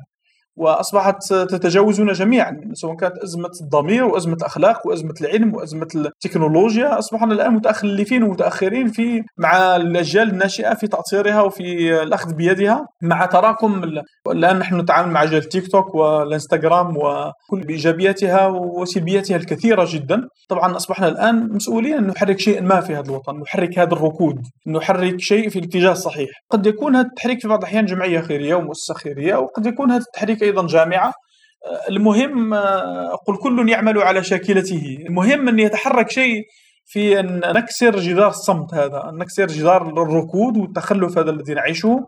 أن نتحمل مسؤوليتنا باعتبارنا أننا ندعي أنفسنا نخبة وندعي أنفسنا بان لدينا من العلم ولدينا شيء مما يمكن نقدمه في وطننا. رغم كل أن رغم كل المؤشرات التي تحاصرك في بعض الأحيان على أنها مؤشرات سلبية ومؤشرات لا تبشر بخير إلى آخره من خلال لغة إعلامية تهدم الأمل في النفوس أو أو لغة حتى في بعض الأحيان اجتماعية طورت في بطريقة يعني فرخنا في الأنفس وفي أنفس الناس هذا هذا الركون إلى التشاؤم والقنوط بطريقة باعثة على الاشمئزاز في بعض الأحيان. فلهذا الجامعة الخاصة في حد ذاتها هي جامعة هي مبادرة من عمق المجتمع الجزائري. تمد ليست بديل عن لا الجامعة العمومية وليست بديل عن حركية المجتمع المدني والمؤسسات الخيرية والمؤسسات الاجتماعية والمؤسسات المدنية. بل لدينا هذه الفكرة التي نؤمن بها أن نمد الأيدي مع كل الأطراف الفاعلين لأنه في النهاية عدونا في النهاية من هو؟ الرداءة صح. عدونا في بعض في النهاية ما هو؟ التشاؤم القنوط الإيمان بالدون التبرير لواقع الأمر الذي نعيشه. إذا كان هذا العدو هو بهذا الوضوح هذا العدو هو الجهل العدو هو ركون شبابنا الآن إلى هذا الفراغ القاتل الذي يدفعه في بعض الأحيان إلى مهلوسات يدفعه إلى إلى حالة من الفساد الأخلاقي إلى آخره. اذا هذا هو العدد الهائل من الأعداء الذي تربص بنا. اذا الأصل أن على الأقل أن نتحالف جميعا. في هذه المواجهه فلهذا الجامعة الخاصة بمنطقنا مختلف ربما. الآن عدينا الذين نسعى إلى شراكات حتى مع جامعات عمومية. الآن مثلا المدرسة العليا للتجارة مثلا اليو عندنا شراكة معها وعندنا تعاون أيضا أكاديمي وبحثي وعلمي في مجالات مختلفة ستتجسد. وهناك أيضا ثلاث أربع مدارس عليا أخرى قريبا إن شاء الله فيه أيضا مذكرات اتفاقية تعاون مع هذه الجامعات والمدارس العليا وأيضا هناك انفتاح على المؤسسات الخاصة وأنا ضد هذه الفكرة فكرة أنه المنافسة يعني المنافسة قد تكون هي منافسة في المجالات الصناعيه وفي المجالات التجاريه منافسة بعض الأحيان إما أنا يا إما أنت. ولكن في المجال التربوي في المجال الأكاديمي هي منافسة ينبغي أن تكون نبيلة. ينبغي أن نعرف بأننا ما نتحالف ما نجتمع حوله وما نتقاسم حوله القواسم المشتركه كبير جدا. ومثل ما ذكرت نحن الآن ضعفاء في تأطير شبابنا وفي هذه التحولات التي يعيشها شبابنا في هذا العصر. فلهذا لا داعي لي التقيت برئيس جامعة قال لي والله الناس يقولوا مول صنعتك عدوك قلت له هذا في منطق في منطق الاشتراك البائد يعني. ليس عدو وإنما حليف وإنما شريك وإنما أنه في النهاية نموذج الخوصصة ينبغي أن يثبت أيضا صلاحيته وفي تحدي أنه نحن نعيش الآن في الجامعة العمومية عدد من الأزمات نعم ولكن أيضا حتى القطاع الخاص أيضا ينبغي أن نثبت أنه نظيف من كثير من الممارسات التي قد تشوبه ليس فقط في السياق الجزائري وإنما عرفت عنه في سياقات كثيرة. أن يكون بيزنس هو الأولى في تحول إلى مؤسسة تبيع الدبلومات وتبيع الأوهام والمهم هو عدد الطلبة وعدد رقم الأعمال شبه ظفار الذي يحققه إلى آخره. بهذا المنطق الآن يعني سلبنا البعد الفكري والبعد الحضاري من مؤسسة الجامعة. وأصبحت يعني ربما مؤسسة تجارية محضة قد تكون هي أيضا ورم تيومر ورم قاتل للمجتمع أيضا. إنه سينتج عدد من الأوراق وعدد من الشهادات ولكن لا ينتج رجلا وامرأة وإنسان مختلف في مستوى القدرات العلمية. بهذا المنطق ندخل هذا السياق بهذا المنطق ننظر للجامعه الخاصة. وبهذه الروح نؤمن بأن الجامعة الخاصة يمكن تقدم إضافة بهذه الفكرة وبهذا المبدأ. بدونه أعتقد سنكون تكون وبال على المجتمع. هل ممكن تفصلنا يعني في الفراغ الذي يمكن أن تكمله المعهد العالي للعلوم؟ يعني ما هي الفراغات الأساسية اللي تشوف فيها من ناحية من ناحية تكملة التعليم العالي لو ندخل في التفاصيل يعني؟ أول مبدأ هي الحياة الطلابية والحياة الاجتماعية، الحياة الأكاديمية ليست فقط مجموعة من الدروس ومن عدد المحاضرات وعدد من المقاييس التي يأخذها الإنسان وإنما حياة إنسانية وحياة اجتماعية. قد يكون إنسان أصعب ربما في إحدى الكتابات وإحدى المقالات كتبت بأن شيطان المثقفين أصعب من شياطين العامة. صح. والشيطان المكلف بالمثقف يأخذ معه الشهادات ويرتقي معه في كل ما ما كان licence حتى الشيطان تاعو كان licencié. ولما يدي الماستر يولي الشيطان تاعو ماستر ولما يكون دكتور يولي الشيطان تاعو بروفيسور صعوبات نفسية مثلا في التفاعل بين المثقفين هي صعوبات كبيرة وصعوبات جمة. الفكرة تاعي ولا الفكرة تاعك عندي رأي وعندك رأي عندي تصور وعنده تصور إلى آخره. فأعتقد بأنه المبدأ الأساسي في الحياة الطلابية تكون أيضا لديها هذه الصبغة من الحياة الاجتماعية أيضا. إنه في النهاية ليست مجرد جامعه وإنما هو مجتمع معرفي. نولج كوميونتي فيه تواصل فيه تفاعل فيه في علاقات. هذا الإنسان الذي يطلب منه العدد بعد عدد من السنوات في تخرجه يعالج قضايا مثلا اجتماعية. مثلا نأخذ أي موضوع. سنجده موضوع مركب متعدد الأبعاد. يحتاج مثلا لمعالجة مثلا لا لا أعرف. كثير من الأمثلة تحضرني الآن. مثلا موضوع التكنولوجيا وأثرها في المجتمعات مثلا. مشكلة مثلا أثر شبكات التواصل الاجتماعي من تيك توك وغيرها على المجتمعات تحدثنا فيه يعني بإسهاب هذا الموضوع لأنه نظن باللي إيه. قاتل يعني اليوم في المجتمعات يعني تماما. ولما نتحدث عن مثلا العملات المشفرة هل هي إيجابية أم سلبية؟ و... آه هنا دكتور هنا دكتور اختلف معك شوية ذيك النهار دخلت على البيتكوين. شوف درت مقارنة بين بيتكوين ولونا لا الاختلاف رحمة. آه قلت نقبضك قلت له طه لازم نجيبه للبودكاست نوري. أنا البيتكوين ما تخرب فيه؟ البيتكوين قال ولا عندك عقيدة هذا ماشي معمله فايت العقيدة. أنا البيتكوين شوف ما تخرب ليش فيه قالوا ولا البراءه فيه. والو خلاص. أنا محترف في عدم المناقشة في القناعات. لا لا لا عادي عادي. نقدروا نناقشوا فيه برك. يعني بالنسبة لي إنه خذ مثلا أي ظاهرة الآن ستجد إنه فيها بعد مثلا معلوماتي في بعد بعد تكنولوجي بعد بعد قانوني بعد أخلاقي بعد شرعي بعد بعد تربوي إلى آخره. فتجد إنها ظاهرة مركبة. هل تستطيع أن تجمع عدد من العقول حول هذه الظاهرة؟ حول هذا الموضوع مثلا لمعالجته متخصص الاعلام الالي وحده ولا يستطيع ان يجيب متخصص صح. في القانون وحده ولا يستطيع ان يجيب متخصص وحده في الاجتماع لا يستطيع ان يجيب وهذا هو الفرق بيننا بين مجتمعات متأزمة ومجتمعات متحضرة. لما تدخل لمؤسسة فيسبوك ستجد انه عندها 67 ألف موظف وعدد موظفين من مختلف التخصصات pluridisciplinaire علماء نفس علماء اجتماع ومتخصصين في الهندسة في هندسة البيانات في ال IT في مختلف المجالات التي تحتاجها هذه المؤسسة. إذا لم نمتلك نفس القدرة على التجميع بين الناس والتجميع بين العقول والقلوب لتشتغل ولتتعاون ولتتآلف ولتتحاور ولتتناقش بهدوء ولتتقبل الرأي والرأي الآخر إلى آخره بعيد عن العقائد. والقناعات الجازمة. والقناعات. هذه نكتة على سبيل النكته برك خويا زبير. إيه. ف إذا لم نستطع أن نحل هذا الأمر فلن نستطيع أن نجيب عن كثير من الأسئلة. سينتهي كل واحد عنده رأيه وعنده قناعته. هي تحديات اجتماعية يعني. تماما. ما هيش تحديات شخصية. في بعض الأحيان تبان تبان لنا بأنها بسيطة. التحديات الاجتماعية والنفسية والله سهلة. يتلاقوا برك ويتفاهموا مم. وهو هي رأس ال- رأس المشاكل وهي عقدة العقد. إن الإنسان يتنازل ويناقش ويتحاور يتقبل رأي الآخر إلى آخره صح من أين يبدأ هذا الأمر؟ يبدأ من الابتدائي المتوسط الثانوي الحياة الاجتماعية الطلابية داخل الجامعة. من بين ما نعالجه الآن إنه طالب ماشي طالب عندنا عدد من التخصصات الآن مثلا في الإعلام الآلي في في عدد من التخصصات في عدد من المجالات علوم التربية، اعلام آلي، اقتصاد إلى آخره، نحاول أن على الأقل بين طلابنا الآن في ال- في الحياة الاجتماعية داخل الجامعة أن نؤسس لهذا الحوار، لا يعيش طلاب الإعلام الالي في جزيرة وطلاب ال- الاقتصاد في جزيرة وطلاب وطلاب الاقتصاد في جزيرة وكل واحد بعيد عن الآخر إلى آخره، الآن نجد بانه هذه من بين العصبيات، ابن خلدون تحدث عن العصبيات الاجتماعية، القبيلة الفلانية والعرش الفلاني إلى آخره، الآن كتبت في معركة الوعي ما يسمى بالعصبيات الأكاديمية، مم. والله التخصص الفلاني ما يتلاقاش مع التخصص الفلاني، في خروبة كاين هذا الجدار العازل. صح. بين العلوم الاقتصادية والعلوم الإسلامية. بين ال département الفلاني وال département الفلاني. روح أي جامعة تلقى والله نحن انصار كذا ودخلت في جامعة ماليزية قال لي والله حبيت نسقسيك أنتم رشديون أم غزاليون؟ يعني عندهم مشكلة بين رشد والغزالي هذه التهافت التهافت التهافت. مازال راهي حيه اليوم وتنقسم الجامعة وفق طبعا هذا الاختلاف. قلت له والله إحنا جزائريون يا صاحبي ما عندنا أنا دكتور هذيك عارف شو مسميها أنا؟ مسميها برصله وترييل المجتمعات. يعني ضرك على بالك باللي المشكل إنه ولينا كما يقولوا بالإنجليزية partisan ولينا كلش برصا ولا ريال معناها كلش بارسا والريال. فريقي وفريقك. إيه تمام. كلش في كل شيء في نظرته الاقتصادية اشتراكي ضد مش عارف رأس مالي ضد سوق حر ضد مش عارف شنو روح أبداها في الدين مذهب فلاني ومذهب فلاني ومن بعد في المذهب داخل أتباع الشيخ وأتباع الشيخ اللي يروحوا مع القول هذا. ومن بعد في الاقتصاد في السياسة في كلش. وما كانش هذاك الانفتاح على الآخر والاطلاع ولا حتى القبول بنسبية الأمور. كانت الأمور تيسر لي راها مساحات آه، نقولوا رمادية. إيه تماما تماما. ما تقدرش تقطع فيها ولازم تقتنع بانه هذه تخمامك أنت اللي حقك ليها. تفسيرك للأمور الظواهر النصوص الأدلة اللي حقتك حد الساعة. وراك هذا اللي وش راك بحد الساعة وش قدرت تحكم.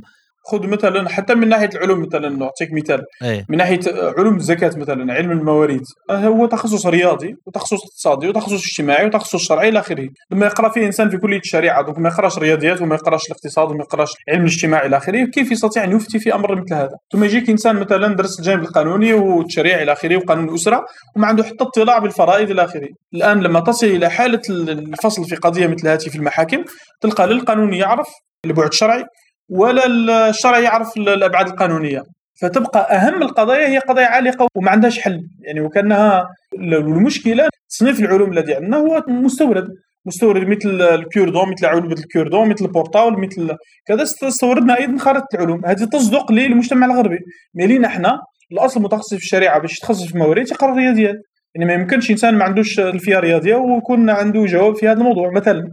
صح. صح هم الغرب فاتونا في هذه هم في روحهم تلقاهم متخصصين تلقى قاضي متخصص في قوانين ال copyright مثال يقطع بين مسألة. ب... إيه بين مش عارف إيه. مؤخرا مشكل كبير صار بين ابل وشركات أخرى لصناعه ال software وال games قالوا لهم في قضية هذيك فاش تعطونا نخدموا معناها تلقى قاضيه هذه واحدة معروفه في الامريكان هي اللي تقطع في هذه إحنا تلقانا كيفاش واحد راح يفتي لك في في بيتكوين ولا يفتي لك في يفتي في في copyright ولا يحكي لك هل استعمال ال logiciel مصر يعني. إيه software إيه نديك ونجيبك البيتكوين software قال ال software مكراكي ما حكمه. ما ما يديكش يقطع لك. وفي أمورات خاصة اللي الناس راح تعيش هذا حاليا ولازم تتخذ فيها قرار.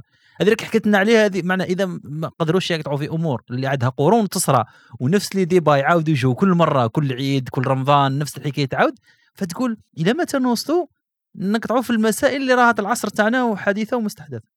أنا أصدقك القول من بين الأهداف اللي عندنا في الجامعة ولكن هي بعيدة وصعبة لا تزال مسألة معقدة ولا أستطيع أن أجزم بأنها يسيرة.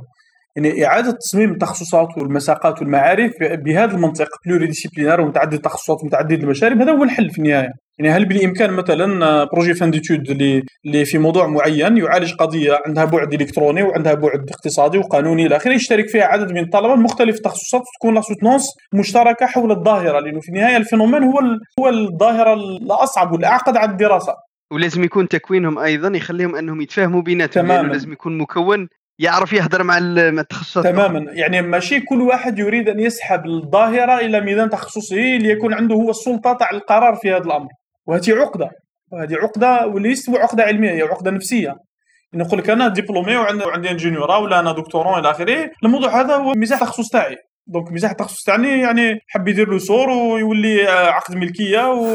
وعنده livret foncier تاع المساحه هذيك وحتى واحد ما يهضر فيها. إيه. هذه العقدة هي عقدة نفسية وعقدة اجتماعية. المفتي يقول لك ما تدخليش ال terrain في carré 18 تاعي والاجتماع يقول لك لا لا هذه تخصص تاعي. وفي النهاية كلهم مطالبون بأن يجلسوا إلى بعضهم وان يستمعوا إلى بعضهم البعض وان يتحاوروا ويؤسسوا لموقف ويؤسسوا لفتوى ويؤسسوا لحكم سواء كان قانوني أو قضائي أو شرعي أو طبي إلى آخره. ولكن لهذا المعهد العالي للعلوم يبين الاهتمامات هذا البعد النفسي والبعد الاجتماعي عند الطالب. ممكن في بعض التفاصيل لأنه ما كانش نادي مثلا للمتخصصين في علوم التربية ونادي لعلوم الاعلام الآلي ونادي للعلوم الاقتصادية لا الجميع يعمل ويشتغل في يعني أي نشاط قد يكون عنده بعد إعلامي عنده بعد تسويقي عنده بعد عنده بعد اقتصادي إلى آخره. فهذا الجهد ليس سهلا. وصعب جدا.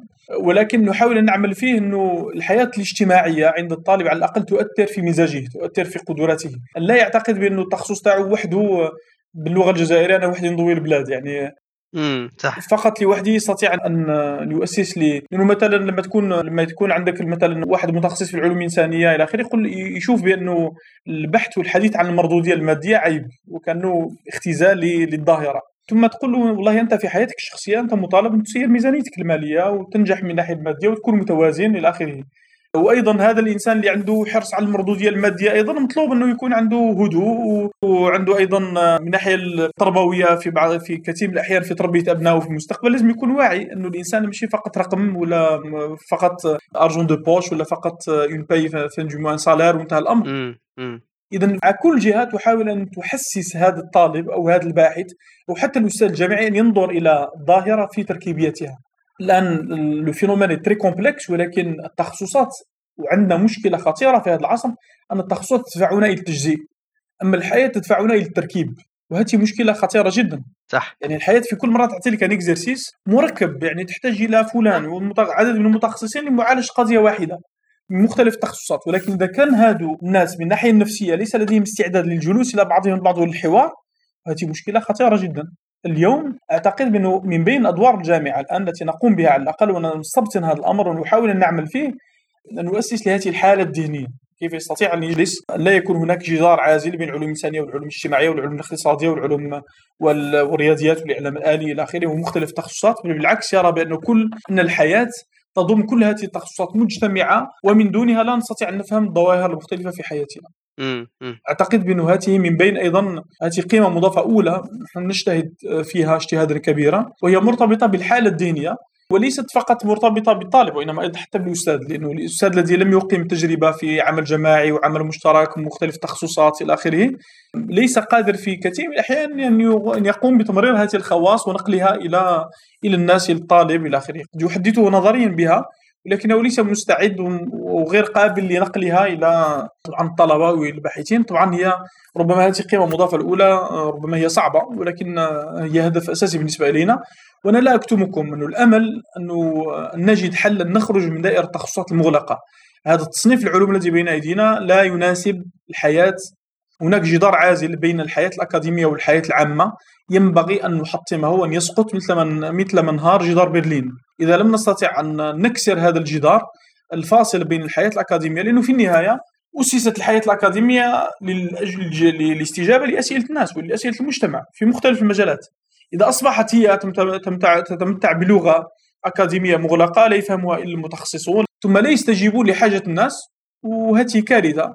تلقى أيضا من بين جزر تلقى المتخصص الأكاديمي له المجتمع يقول له عدل روحكم بعد أرواح عدل روحكم أرواح ولما تشوف المجتمع يقول لك لا والله متكبر وكذا يعدل, يعدل روحه هو ويجي ومن بعد يجي. في النهاية كل واحد يطلب من إيه. الآخر أن يغير من سلوكه ومن مزاجه ومن طريقة نظره للأمور ثم ليكون فيه استعداد للتحاور. هذه ربما مشكلة جوهرية. أعتقد ينبغي أن نعالجها. فلهذا الحياة الطلابية الحياة الاجتماعية عندنا هي مهمة جدا على الأقل في معالجة الكثير من الخلفيات الذهنية. العلاقة بعالم الشغل العلاقة هذه العلاقة الأولى. العلاقة الثانية على العلاقة بالمؤسسات الاقتصادية بعالم الشغل.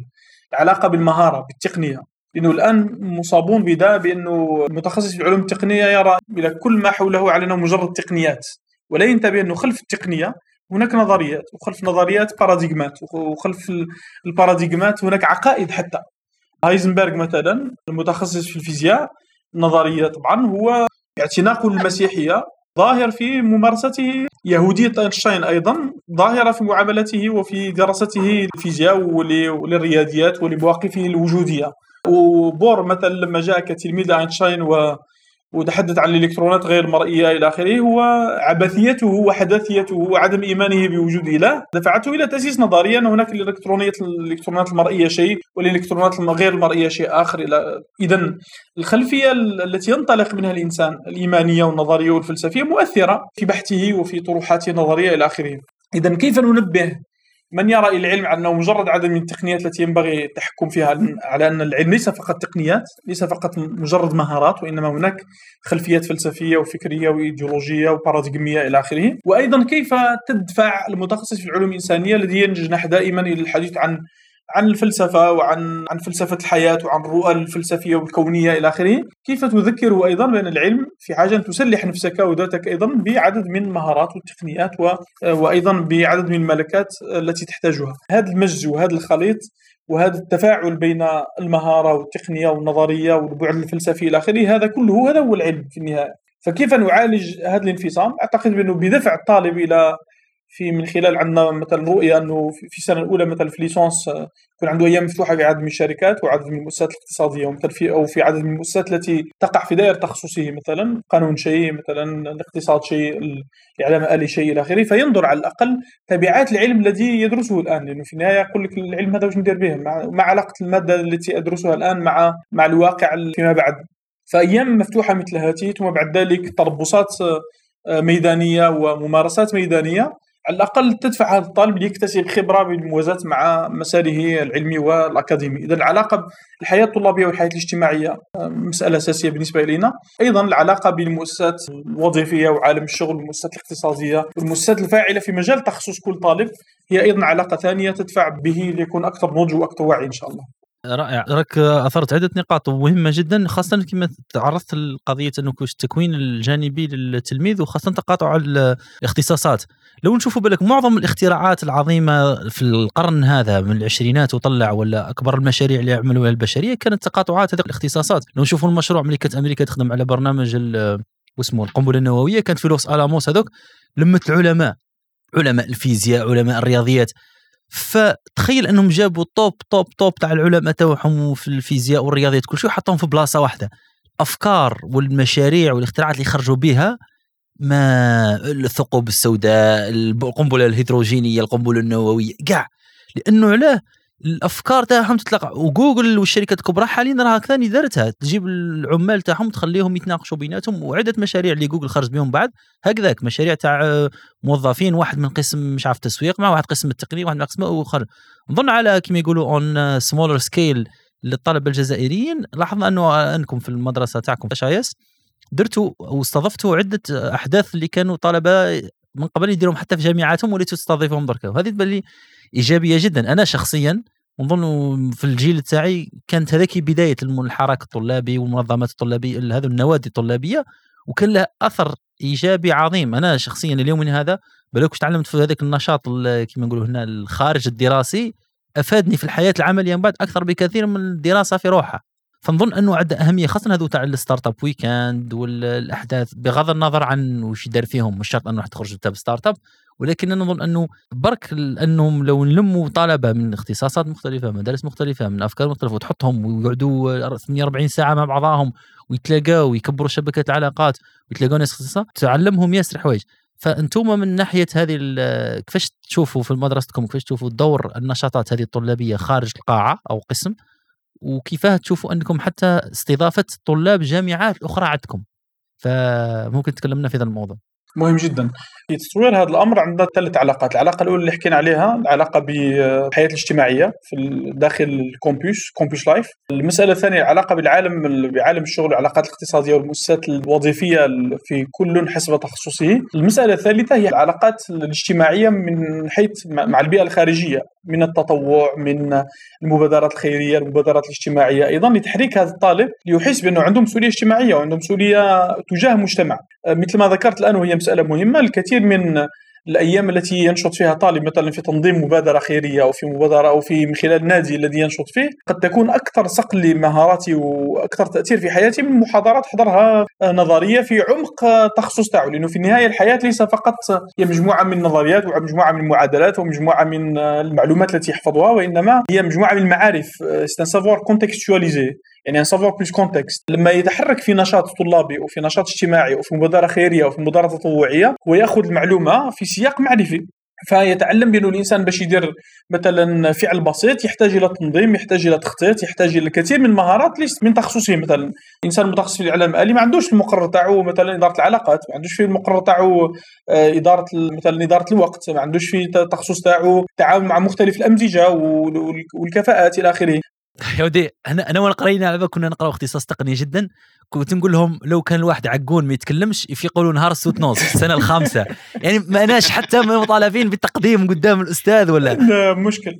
إيه كنا تدخل تجاوب في ورقه تخرج كاع ما تشوفش هذا هو فعلا. وهذه مشكلة كبيرة. تبدلت حاليا لأنه في النهاية هو تعاون وقتل انسانيه الإنسان انه كانوا ماشي هذا روبوت هذا ماشي إنسان. إنه في النهاية إذا كان مطلوب منه أن يقدم معلومات مهارات يؤسس لشركة يؤسس لكذا اذا التواصل مطلوب العلاقات مطلوبة القدرة على فهم الذهنيات مطلوب إدارة إدارة حياته الشخصية أيضا. لهذا تجد ربما إنسان متألق من الناحيه الأكاديمية ولكن كارثة حقيقية في المستوى الاجتماعي وفي المستوى الإنساني. اذا آه، هذا محكوم عليه بالإعدام من ناحية يدير مؤسسة اقتصادية بإذن الله راح تكون فاشلة يدير آه، يدير شركة بإذن الله تكون مفلسة يدير مبادرة تطوعية ما تدومش أكثر من آه، يعني دورة دورتين وتحبس إلى آخره. هذا هذه المشكلة التي نعيشها في كثير من الأحيان. فالمو في كثير من الأحيان المجتمع يبني موقفه من النخبه بهذا السبب. يقول لك والله هذاك إنسان وهذاك هو المستوى تاعو إنسان مثقف زعما وكذا وقال لي الكلمة هذيك والهضره لأنه للأسف تمت مخاطبة فقط القدرات العقلية تاعو فقط في آه، صقل مهاراته في مجال معين ولكن المهارات الأخرى كلها معطلة ومتوقفة عن العمل. ولهذا ربما في بعض الأحيان حتى الآن النخبة الجامعية لما لما تختبر حتى في مهام وزاريات تجد نفسها غير قادرة على التواصل مع الجماهير في الكثير من الأحيان. فيفقد الناس الثقة ليس فقط في المثقف أو في النخبة وإنما أيضا حتى الثقة في الجامعة. هذا هو القماش تاعكم. هذا هو هذا هو المنتج تاعكم. كان عندي سؤال في هذا الموضوع وأنت كتبت دكتور في هذا الموضوع الجامعة وعلاقتها بالمجتمع. نعم. لو تعطينا رؤيتك للجامعة وعلاقتها بالمجتمع ونظن لك حاليا جسد فيها المعادن للعلوم كيفاش تشوف الجامعة أنت اليوم؟ لأنه فقط من باب التاريخي قبل الجامعة كان هو المسجد. تمام. المسجد هو المكون وكان هو ال... كان هو الحاضرة اللي يجتمعوا فيها الناس واللي يدرسوا فيها الناس إذا حاب تتعلم حاجة امشي للمسجد. آه، اليوم المسجد هو دار عبادة كما يسموها يسموها بالمطارات يسموها دار العبادة. صلي صلي ودي بلدك. ما هو ما هو دور الجامعة اليوم في المفهوم الحالي في المفهوم الحديث دورها في المجتمع؟ هل هي فقط تكوين الإطارات وتكوين المتعلمين ما نحبش حتى نقول النخبة لأنه تعريفها مش هكذاك تكوين المتعلمين حتى يعمروا مناصب الشغل المتاحة؟ أو دورها أعمق بكثير؟ لأنه أنا لو, لو نشوفوا وهذه أيضا تدرس في كثير من الدول كيفاش أنت تجيب العامة يجوا الجامعة ما يعودوش يخافوا؟ الناس عندها رهبة من الجامعة. الناس كي تحكي لها لو كان تروح تمشي مثلا الإنسان اللي هو سائق حافلة ولا تمشي مثلا الإنسان في السوق ولا تمشي الإنسان في ال... لا أدري في أي مكان تقول له يلا الجامعة الجامعة يشوفها حاجة هذيك الحاجة الكبيرة اللي إيه. غامضة ما يقدرش يدخلها اللي المع... المعبد تاع العلم اللي ما نقدرش ندخلوه واللي كي يشوف يخرج منه هو اللي يحكم عليهم. فما هو دورها كيفاش نفتحوا الجامعة حتى تعود الناس تجي تنهل من الجامعة؟ بكل ال... بكل الطرق يعني يعني إحنا هنا مثلا شفت في كثير من الدول أنهم يفتحوا الجامعة ما بين الخامسة والثامنة أنها الناس تجي تزور. تمام. شوف أروح تشوف برك شو يصير في الجامعة أروح التقي بالباحثين أسألهم قولوا راك دير والسؤال المطروح بحثك هذا وش دير وش ندير به هنا؟ خذوا إحنا القوس في هذه برك هما الجامعات هنا في الغرب. ماشي في البيتكوين. لا لا لا لا هذه دخل ما تلقاش عندها باب الجامعة تلقاها في الشارع هكذا بناية وفاس الشارع. إيه روعة. آه. إحنا ذاك الوقت أنا متفكر كنت نروح ساعات الباب زوار عندي زميل كان يدير ماجستير كانوا ما يخلونيش ندخل. أنا طالب في المدرسة تاعنا كانت فوق ما يخلوكش أنت طالب من المدرسة حداهم ما تدخلش لو ما كنتش تقرأ باب الزوار تشوف تخمام كيفاش هذا إيه. آه، في الحقيقة أنا اصدقك القول هذه من بين التحديات الكبرى تاع المعهد العالي للعلوم. أنا إنسان أؤمن بأن الجامعة بحجم بمجموعة العقد التي تحيط بها الآن غير قادرة على تحريك المجتمع، غير قادرة على تحريك نفسها فكيف بتحريك المجتمع؟ لأنه مثلا الأصل في جامعة مثل ما ذكرت الآن في في السابق في الماضي تجد بأن حلقات العلم هي المساحات الخصبة لتحريك المعرفة، ليدخل الإنسان إلى حلقة علم ما عنده لا شهادة تسجيل لا شروط مسبقة لا معارف مسبقة لا عنده فقط الأدب وقعد. تماما. متى يكتشف بأنه قد بلغ مستوى من العلم؟ لما يجد نفسه في تلك الحلقة يعلم ولا يتعلم. هنا يكتشف بأنه ينبغي أن يسافر إلى حاضرة أخرى ينتقل من دمشق إلى بغداد من بغداد إلى الكوفه من كذا إلى إلى إلى القاهرة إلى آخره ليزداد علما لأنه أصبح في تلك الحاضرة يعلم ولا يتعلم وليزداد علما من تلك البيئة. فلهذا تجي إنسان مثلا في 14 سنه أصبح عالم ولا 16 ولا 18 ولا كذا أصبح عالما. لأنه ديناميكية العلم هي التي أسست لهذا. ولكن المناخ الأكاديمي هذا الترتيب الأكاديمي الذي نتعامل به وفق هذه الشروط والقوانين المغلقة وحتى مع التطبيقات السيئه في بعض الأحيان حتى لنظام الالم دي الذي هو رائع في فلسفته ولكن في تطبيقاته العملية للأسف رجعناه إلى نظام كلاسيكي باسم الالم دي الآن على الأقل في حالتنا الجزائرية.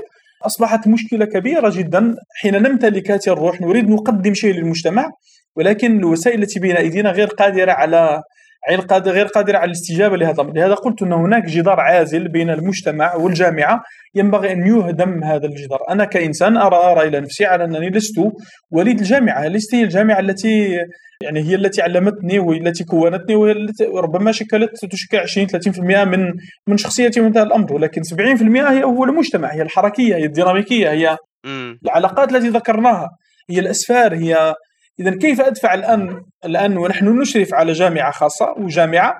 كيف نستطيع أن نكسر الكثير من العادات والعقد الأكاديمية التي هي باحترامها فقط لن ننجب نخبة في مستوى تطلعات المجتمع. أنا أصدق القول بانه هذه مفارقة نحن نعاني منها نبحث لها عن حل. نعطيك مثال.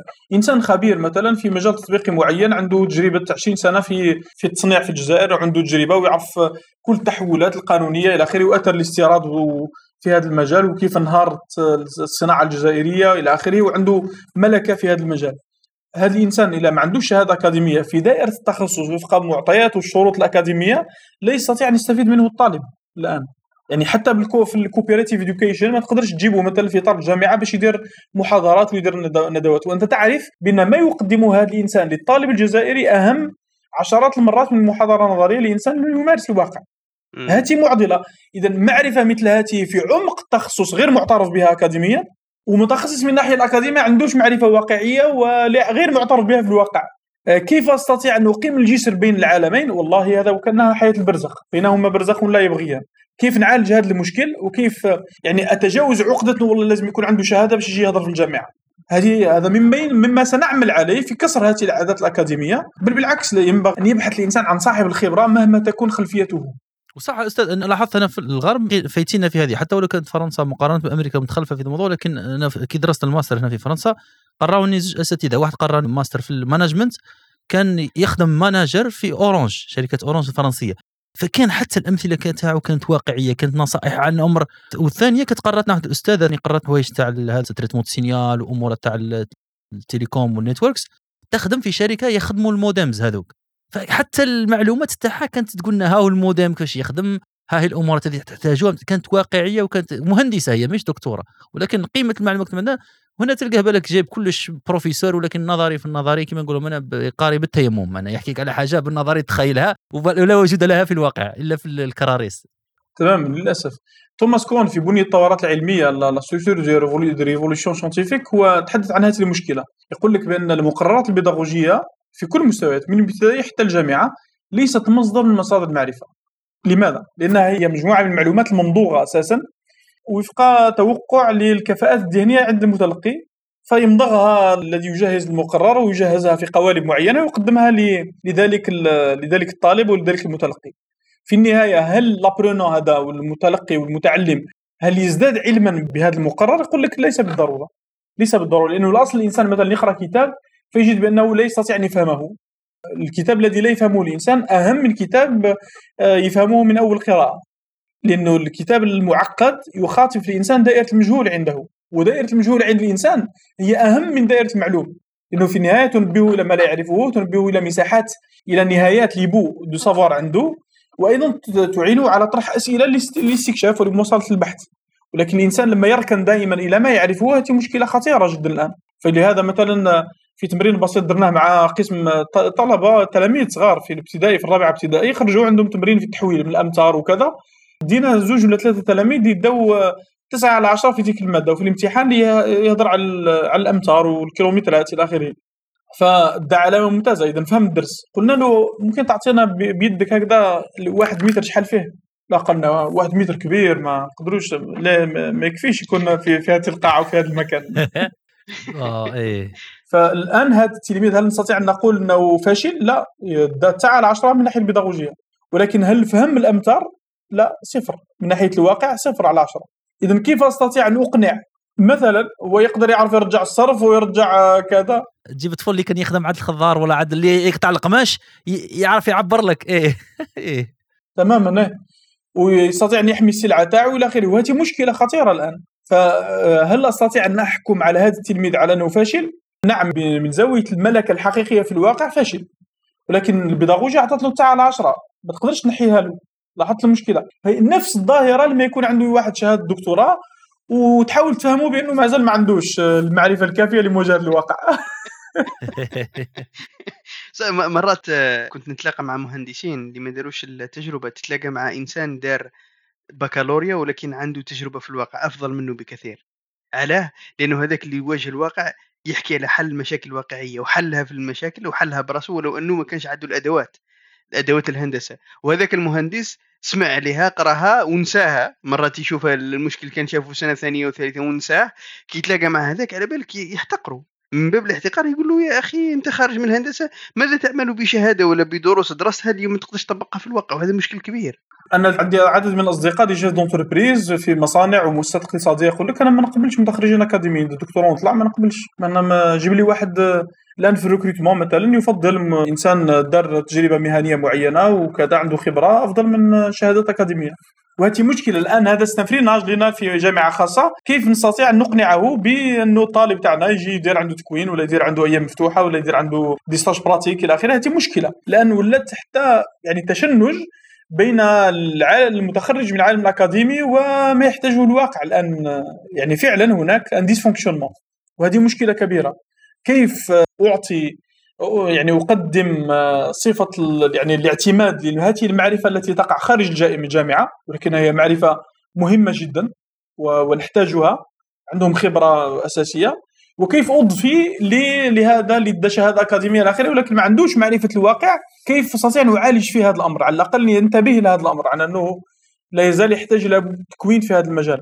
هذه أستاذ مرة مره شفت في واحد ال- الشريط وثائقي يتكلم على علاه ال- الكيان ال- اللي ما نسموهش. اللي ما يتسماش. يعتبر اللي ما يتماش يعتبر من أقوى الدول في ناحية ال- الإعلام الآلي وخاصة في ال cyber security لأنه علاه هما عندهم الخدمة هذيك الوطنية تاعهم إجبارية. لما طفل يحك 18 سنة يعقب.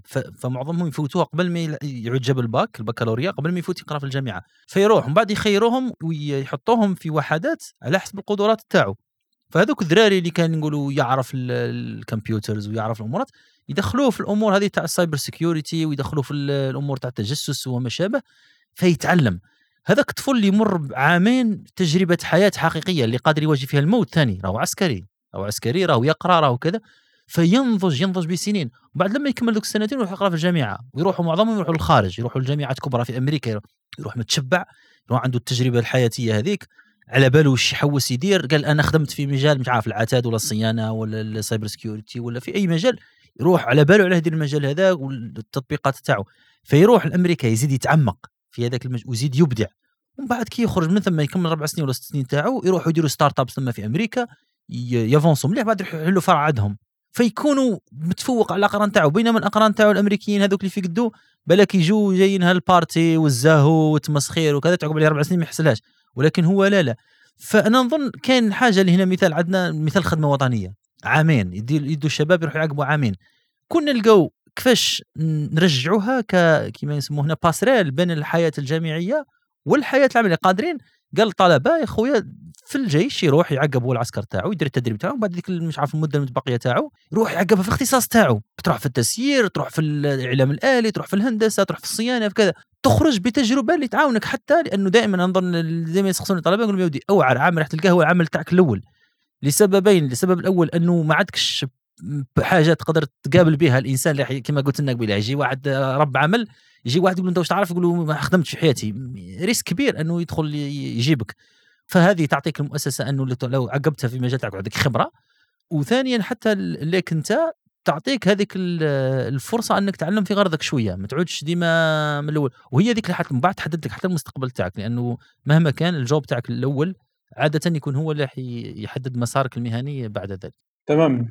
وتشوف حتى بالنسبة درنا تجربه في هذه السنة ال cooperative education بحيث يجوا الناس عندهم يعني خبرات في في مجال يعني مادة من المواد ولا مقياس من المقاييس اللي يدرس في الجامعة. عندهم خبرة فيه في مجال مثلا إدارة الموارد البشرية ولا في التكنولوجيا وفي إدارة مثلا المؤسسات الناشئه إلى آخره.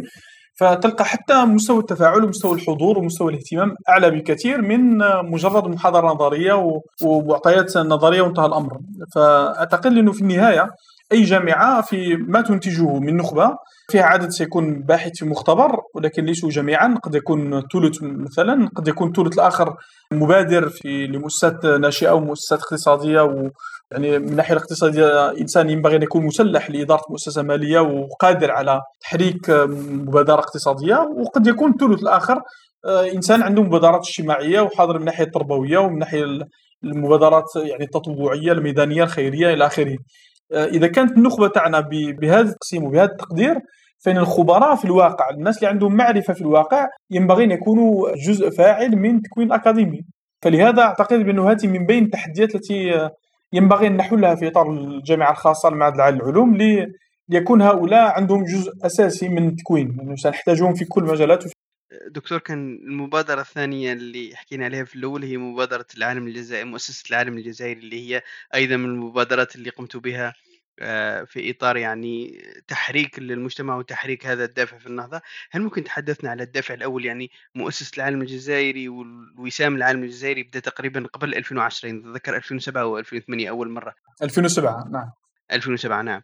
فهل ممكن تقول لنا ما هو الهدف الأول من هذه المؤسسة وأيضا لماذا أنشئ وسام العالم الجزائري وما هي الأهداف يعني على المستوى المتوسط والبعيد؟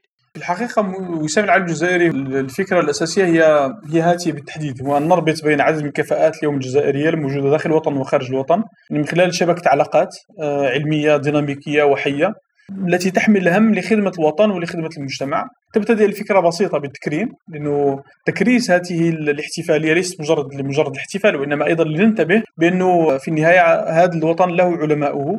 في في الكثير من الأحيان نقوم باستبيانات في 2007 2008 2009 لننظر تفاعل الناس حول العالم الجزائري من هم العلماء الجزائريون. في الكثير من الأحيان تجد اجابات بأنه لا نمتلك علماء في الجزائر.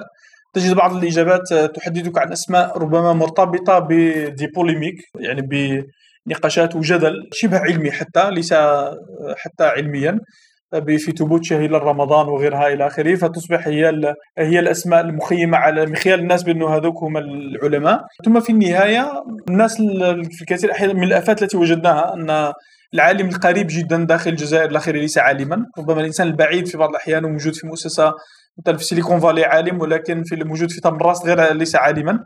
وكانوا ال carte visite والمنصب الرسمي هو المحدد أيضا بالنسبة للعالم من عدمه طبعا حاولنا من خلال مؤسسة وسام العالم الجزائري نقدم تعريفا مختلفا للعالم من خلال هذا هذا الاحتفاء وهذا الاحتفال وتقديم نخبة على الأقل على أنها هي نموذج وخاصة في نحن في معركة صناعة القدوة. في هذا العصر نحن خاسرون جدا. يعني لما تشوف الهوليود لما تشوف يعني من خلال الآن شبكات التواصل الاجتماعي ومنصات التواصل الاجتماعي إلى آخره. الآن هي واحدة من الأهداف في قصرى يعني أن نمد امثله للناس اللي يخدموا عنا عن تجربة. تماما وهذا هذا ينبغي أن نقوم به في كل المجالات وبكل المستويات مثل ما ذكرت الآن. ينبغي أن نرسم أمام أبنائنا وأمام الشباب في في مجتمعاتنا. على الأقل خريطة من آه، الناس من يكون من ينبغي أن يكون هو القدوة، من ينبغي أن يكون هو الأسوة هو الموديل هو النموذج هو العينة التي ينبغي أن نهتدي آه، بها. فلهذا حاولنا أن نتجاوز كثير من أيضا من الاختزالات من الاختزاليات. يعني هذا ال simplisme ال réductionnisme ال aveugle هذا. في بعض الأحيان العلوم التقنية مهمة العلوم الإنسانية لا العلوم الإنسان آه، كاين الناس مثلا آه، يشوف بالنفع إذا كان الإنسان هذا قريب له اجتماعيا فيصبح عالم إذا كان بعيد آه، كذا فتجد حتى في المناطق الجزائرية عندنا هذه المشكلة الناس الشرقي يهتموا بالعلماء تاعهم الناس الجنوب يهتموا بالعلماء تاعهم كل مجتمع يكرم علماءه. لكن هل يمكن طرحنا هذا السؤال هل يمكن لجهة أن تكرم كل علماء الوطن دون اعتبارات جهوية أو عاطفية أو إثنية إلى آخره؟ هل يمكن نهتم بالعالم؟ لأنه عالم لأنه يحمل الحرقه حب لهذا الوطن يسعى ليقدم خدمة ويقدم إضافة بعيد عن هذه الاعتبارات. المهم سواء كان داخل الوطن أو خارج الوطن كيف نستطيع أن نرسم هذه الصفة المرجعية هذه القدوات المرجعية؟ على الأقل لننتبه إلى أن هناك عدد من العلماء الحمد لله على الأقل بعد اليوم نحن في السنة في الطبعة الثالثة عشر في في هذه السنة بإذن الله تعالى. نستطيع أن نقول بأنه أثر بنسبة مقبولة على الأقل في رسم كوكبة وخريطة من من العلماء الجزائريين. طبعا هناك حتى عمل بحثي نقوم به بالموازاة هو خريطة العلم الجزائري نبحث في طبعا العلماء الجزائريين الأحياء منهم والأموات في مختلف التخصصات في مختلف المجالات ممن قدم إضافة نوعية. طبعا لم يكتفي فقط بالمسار الأكاديمي إنه في بعض الأحيان تجد سيرة أكاديمية ولكن لم يستطع أن يتقدم خطوة فوق المسار الاكاديمي عدد من الملتقيات عدد من المقالات حسب ما تطلبه تخرج دكتوراه. رسالة ماستر رسالة دكتوراه وانتهى الأمر. هذا هو بالنسبة إليه المسار. هذا لا ينبغي لا يمكن يكون يعتبر عالم وإنما العالم فوق ذلك. عنده ligne méthodologique. هذه مسألة أساسية. donc عنده خط منهجي. عنده هذه هذه نية لتقديم الاضافه والنفع لوطنه.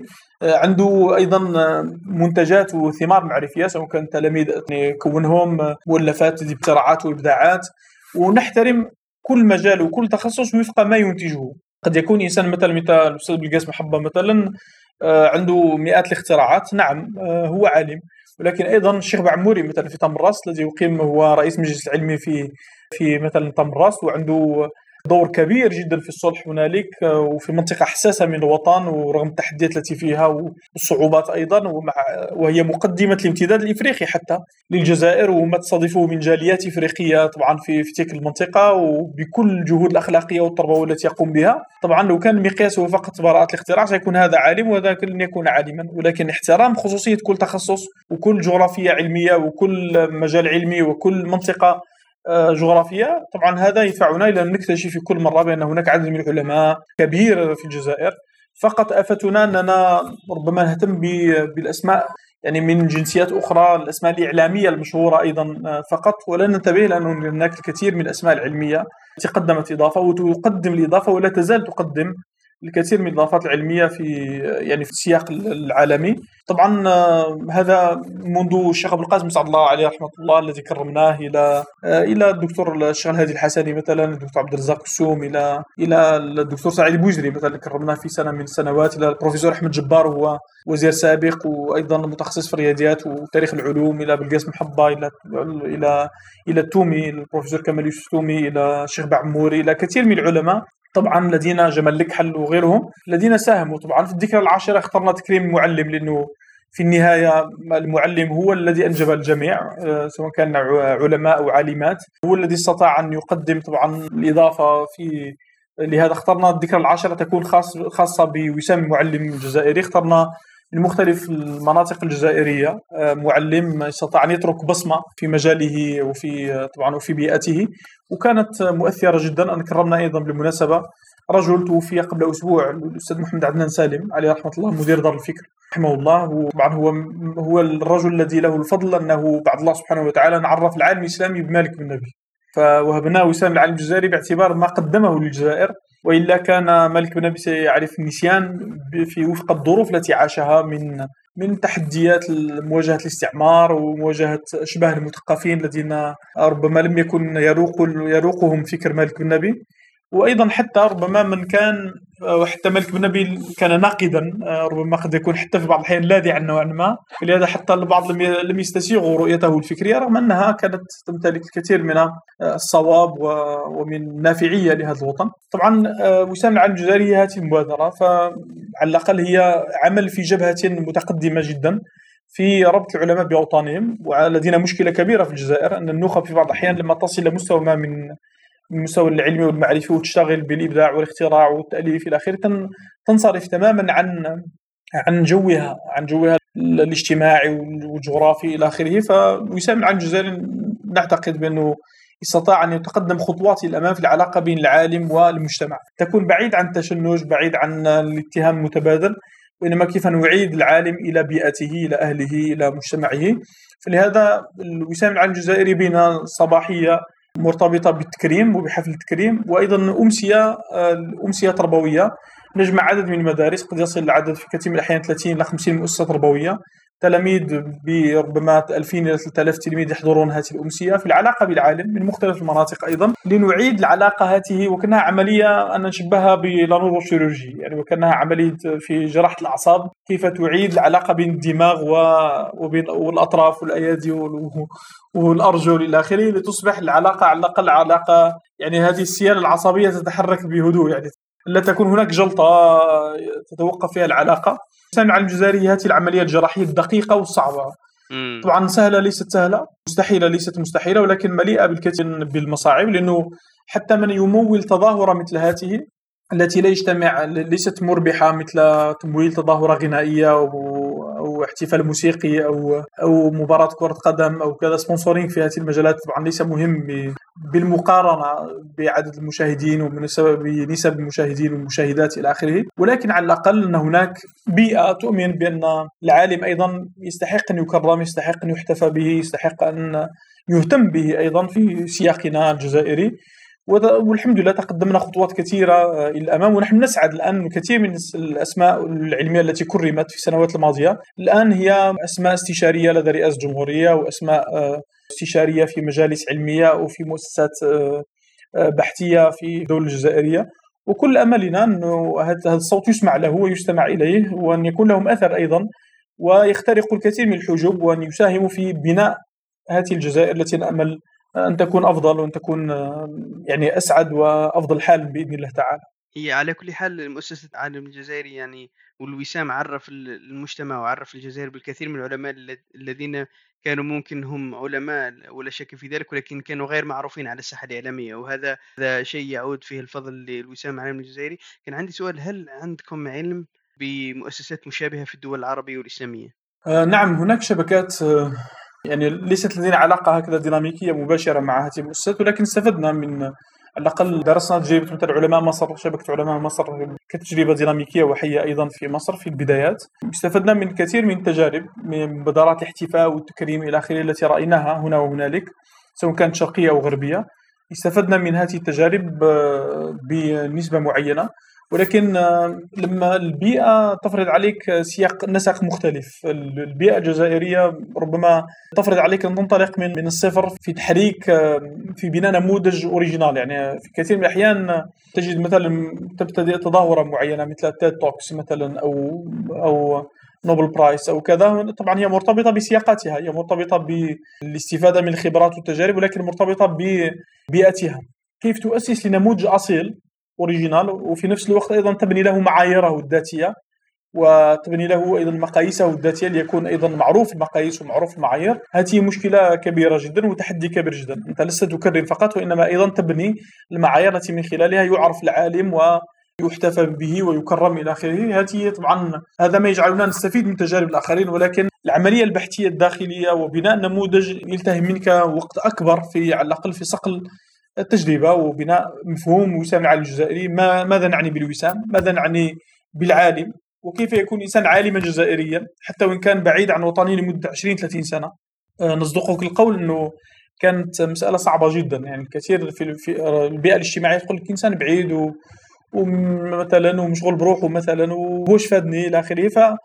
فيكون هذا الحوار مهم جدا في وهذه الوساطة جهود الوساطة الاجتماعية بين النخبة والمجتمع إلى آخره. أو إنسان مثلا داخل وطن قريب إلى المجتمع إلى آخره ولكن يرى المجتمع بأنه لا يستحق مصطلح العالم. بزاف عليه صاحبي تقول عالم وكذا مازال مازال شوية لازم يعرق شوية مازال. فطبعا في كلا الاتجاهين هناك جهد جهد كبير للتأسيس لمفهوم الوسام ولمفهوم أيضا العالم وأيضا لمفهوم العالم الجزائري أيضا. طبعا هي تحدي كبير جدا. نختم باش ما نطولوش عليك عندنا هذه سؤال أخير. الملاحظ من كلامك أنك إنسان آه، ما شاء الله تطلع الكتب ومؤلف أيضا تؤلف كتب ودائما أيضا في سياق العلم والعلماء وما شابه. الكتب والمطالعة والدراسة أهميتها من ناحية تكوين تقني الإنسان في روحه في مجاله وأيضا في نموه كإنسان. لما تدرس على تجارب الناس الآخرين وخارج مجالك قلت تدرس أنت الطب ولا ولا تدرس تقنيه ولكن لا يمنعك أن تدرس الفكر لأنه كل شيء راهو متشابك ورانا عايشين في عالم كل شيء مترابط. لا شيء كما قلت لك بيلح ماناش في جزر كل واحد راه عايش في بلاصة. فنحن نتقاسم نفس الفضاء الفكري الثقافي الاجتماعي كل شيء. كيفاه؟ ممكن تعطينا نختم به السؤال هذا. تحكي لنا شوية على أهمية الكتب والاطلاع وأيضا كيف نعاودوا ننموها في المجتمع تاعنا. لأنه كان المجتمع الأجيال من قبل كانوا يقراوا الكتب وكذا. حاليا مش عارف عليها ممكن لعدة أسباب ونظن متشعبا بالميكروفون ويه وزيد لها الملهيات. تمام فبكري معناها حتى الإنسان اللي ما يقدرش يدور كان عبارة عن تسلية كانت الكتاب فحاليا لا لا كان ولا الدوبامين هيت هذا ممكن يجيبها إنسان من التيك توك والإنستغرام والفيسبوك. وتختم هذه تقدر تختمها لنا في الأخير بكتب تنصح بها المستمعين تاعنا. بارك الله فيك. بارك الله فيك سؤال مهم جدا وإلى يكون ختامي. طبعا المشكلة الجوهرية اليوم هجران المكتبات هي ظاهرة مقلقة وظاهرة يعني باعثة عن القلق والتوتر. وكانت مرتبطة بجيل معين بمستوى معين. قال المتوسط والثانوي تجد إنسان لا يقرأ ولا يطالع. الآن تجد عدد من الطلبة في الماستر وباحثين في الدكتوراه إلى آخره لا يقرؤون ولا يطالعون. هذه كل ما كان الإنسان بعيد عن الكتاب وهذا ما أعتقده. كل ما كان الإنسان بعيد عن الكتاب كل ما كان قابلا للتلاعب بعقله قابل للتلاعب بعواطفه قابل لتحريكه مثل دمية. قل وقف يوقف. يقال له ابني موقفا ما يبني موقفا ما. لأنه لم يأخذ الوقت الكافي لم يأخذ روكول لم يأخذ وقفة تأمل وقفة تحليل وقفة انصراف عن الأحداث. الإنسان المنغمس دائما في في الأحداث اليومية السياسية والإعلامية والمعلوماتية والتكنولوجيا وشبكات التواصل الاجتماعي هو إنسان لا يمتلك الوقت لي لأن يرى إلى نفسه في المرآة. الإنسان لما يفتح الكتاب ليس فقط يطالعه إنما ينظر إلى نفسه في مرآة. قد يكون كتاب تاريخيا فينظر إلى نفسه في مرآة التاريخ فيجد نفسه قزما لا قيمة له يعني ولد وسيموت وسيرحل وولد الناس مثل ما ولد الناس في قرون سابقة وأنجزوا ما لم ينجزه هو.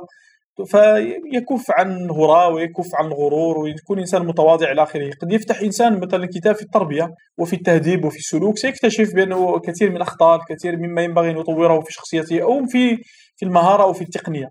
ولكن دعني أقول بأنه في هذا العصر أعز الكتب وأكثر الكتب أهمية بالنسبة إلي بخاصة بالنسبة للعالم الأكاديمي وبخاصة بالنسبة لمن المشتغلين بالمعرفة الأكاديمية هي دراسة الفلسفة والفكر والمنهج في عمقها لأنه اليوم ابتلينا بتفكيك الظاهرة التي نعيشها. الإنسان الإعلامي لا يقرأ إلا الإعلام. الإنسان ولا ولا يعرف إلا زاوية نظره.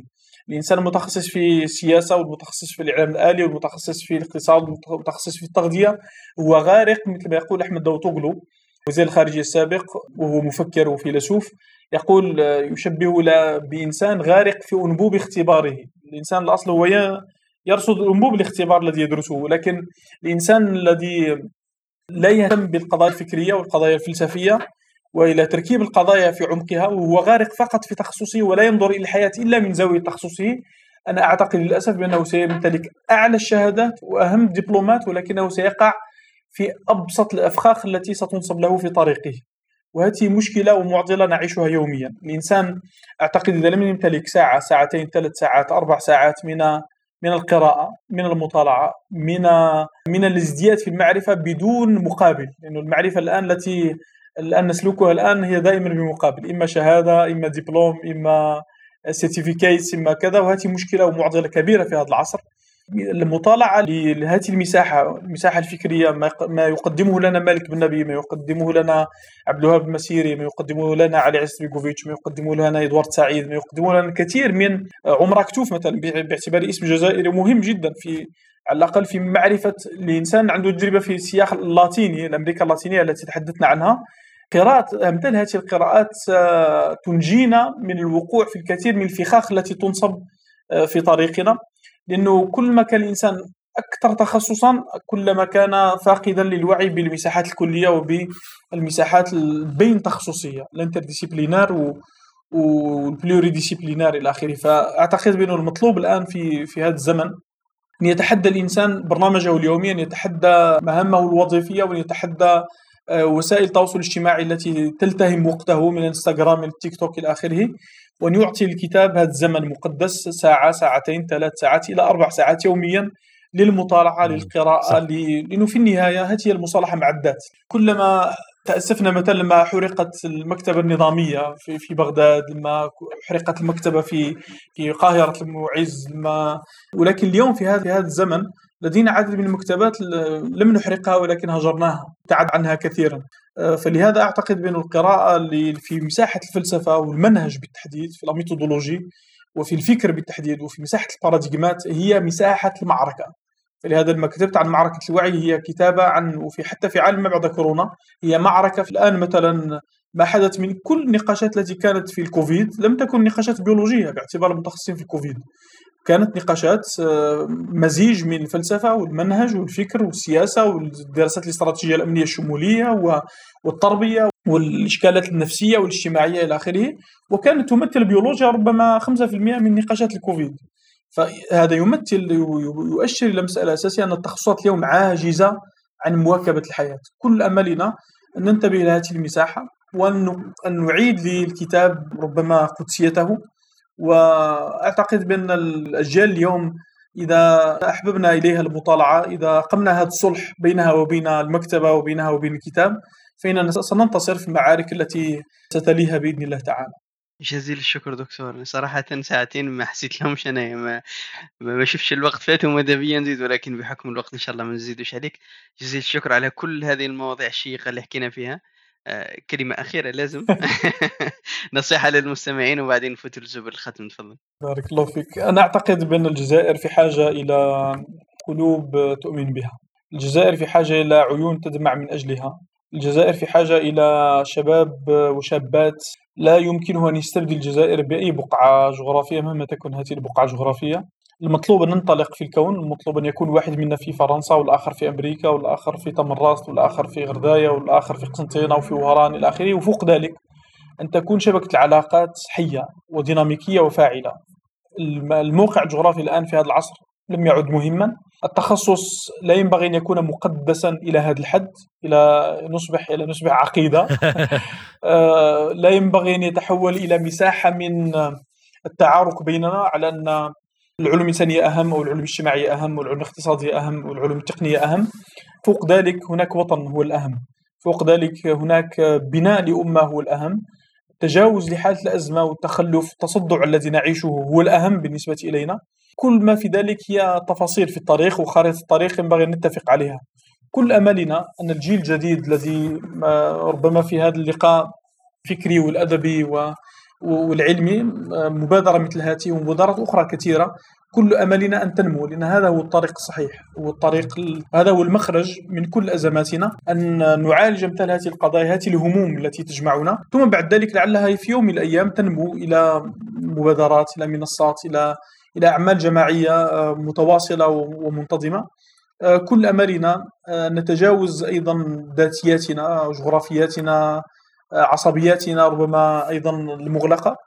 نغلب دائما المصالح العامة على المصالح الخاصة خاصة في في هذا الوطن الذي يبحث اليوم عن طريق يبحث اليوم عن إنسان جديد. كل أمل أن تكون مثل هذه الحوارات هي فاتحة الخير هي هي الانطلاق لعهد جديد بإذن الله تعالى. وأنا سعيد جدا بهذا الحوار. وكل أملنا ونحن نعتبر بأنه كل هذه المبادرات مع العالي للعلوم كجامعة خاصة أو وسام العالم الجزائري وغيرها من المبادرات وهي مبادرات جماعية طبعا. كلها لا تعدو أن تكون قطرة في طوفان من الخير يعني في هذا الوطن في هذه الأمة. آه، على أهل الخير أن يجتمعوا أن يتحالفوا أن يتعاونوا أن يتجاوزوا التشنجات التي ربما قد تكون بينهم. وبإذن الله تعالى إذا استطعنا أن ننجح في هذا الامتحان سننجح في بناء المجتمع الجزائري أكثر تألقا. المعطيات الخارجية الجيوستراتيجية لصالحنا أعتقد في السنوات المقبلة. العوامل الخارجية الآن لصالحنا ولكن هل العوامل الداخلية تكون جاهزة للإقلاع والانطلاق؟ هذا هو عمل المربين والمفكرين والإعلاميين إلى آخره فنسأل الله أن نكون موفقين في هذه المهمة شكرا بارك الله فيك يعطيك الصحة دكتور طه. ومستمعين تاعنا يبقوا يسمعوا فينا لحد الآن. يعطيكم الصحة بارك الله فيكم ونلتقي في حلقات أخرى وضيف آخر. السلام عليكم ورحمة الله وبركاته.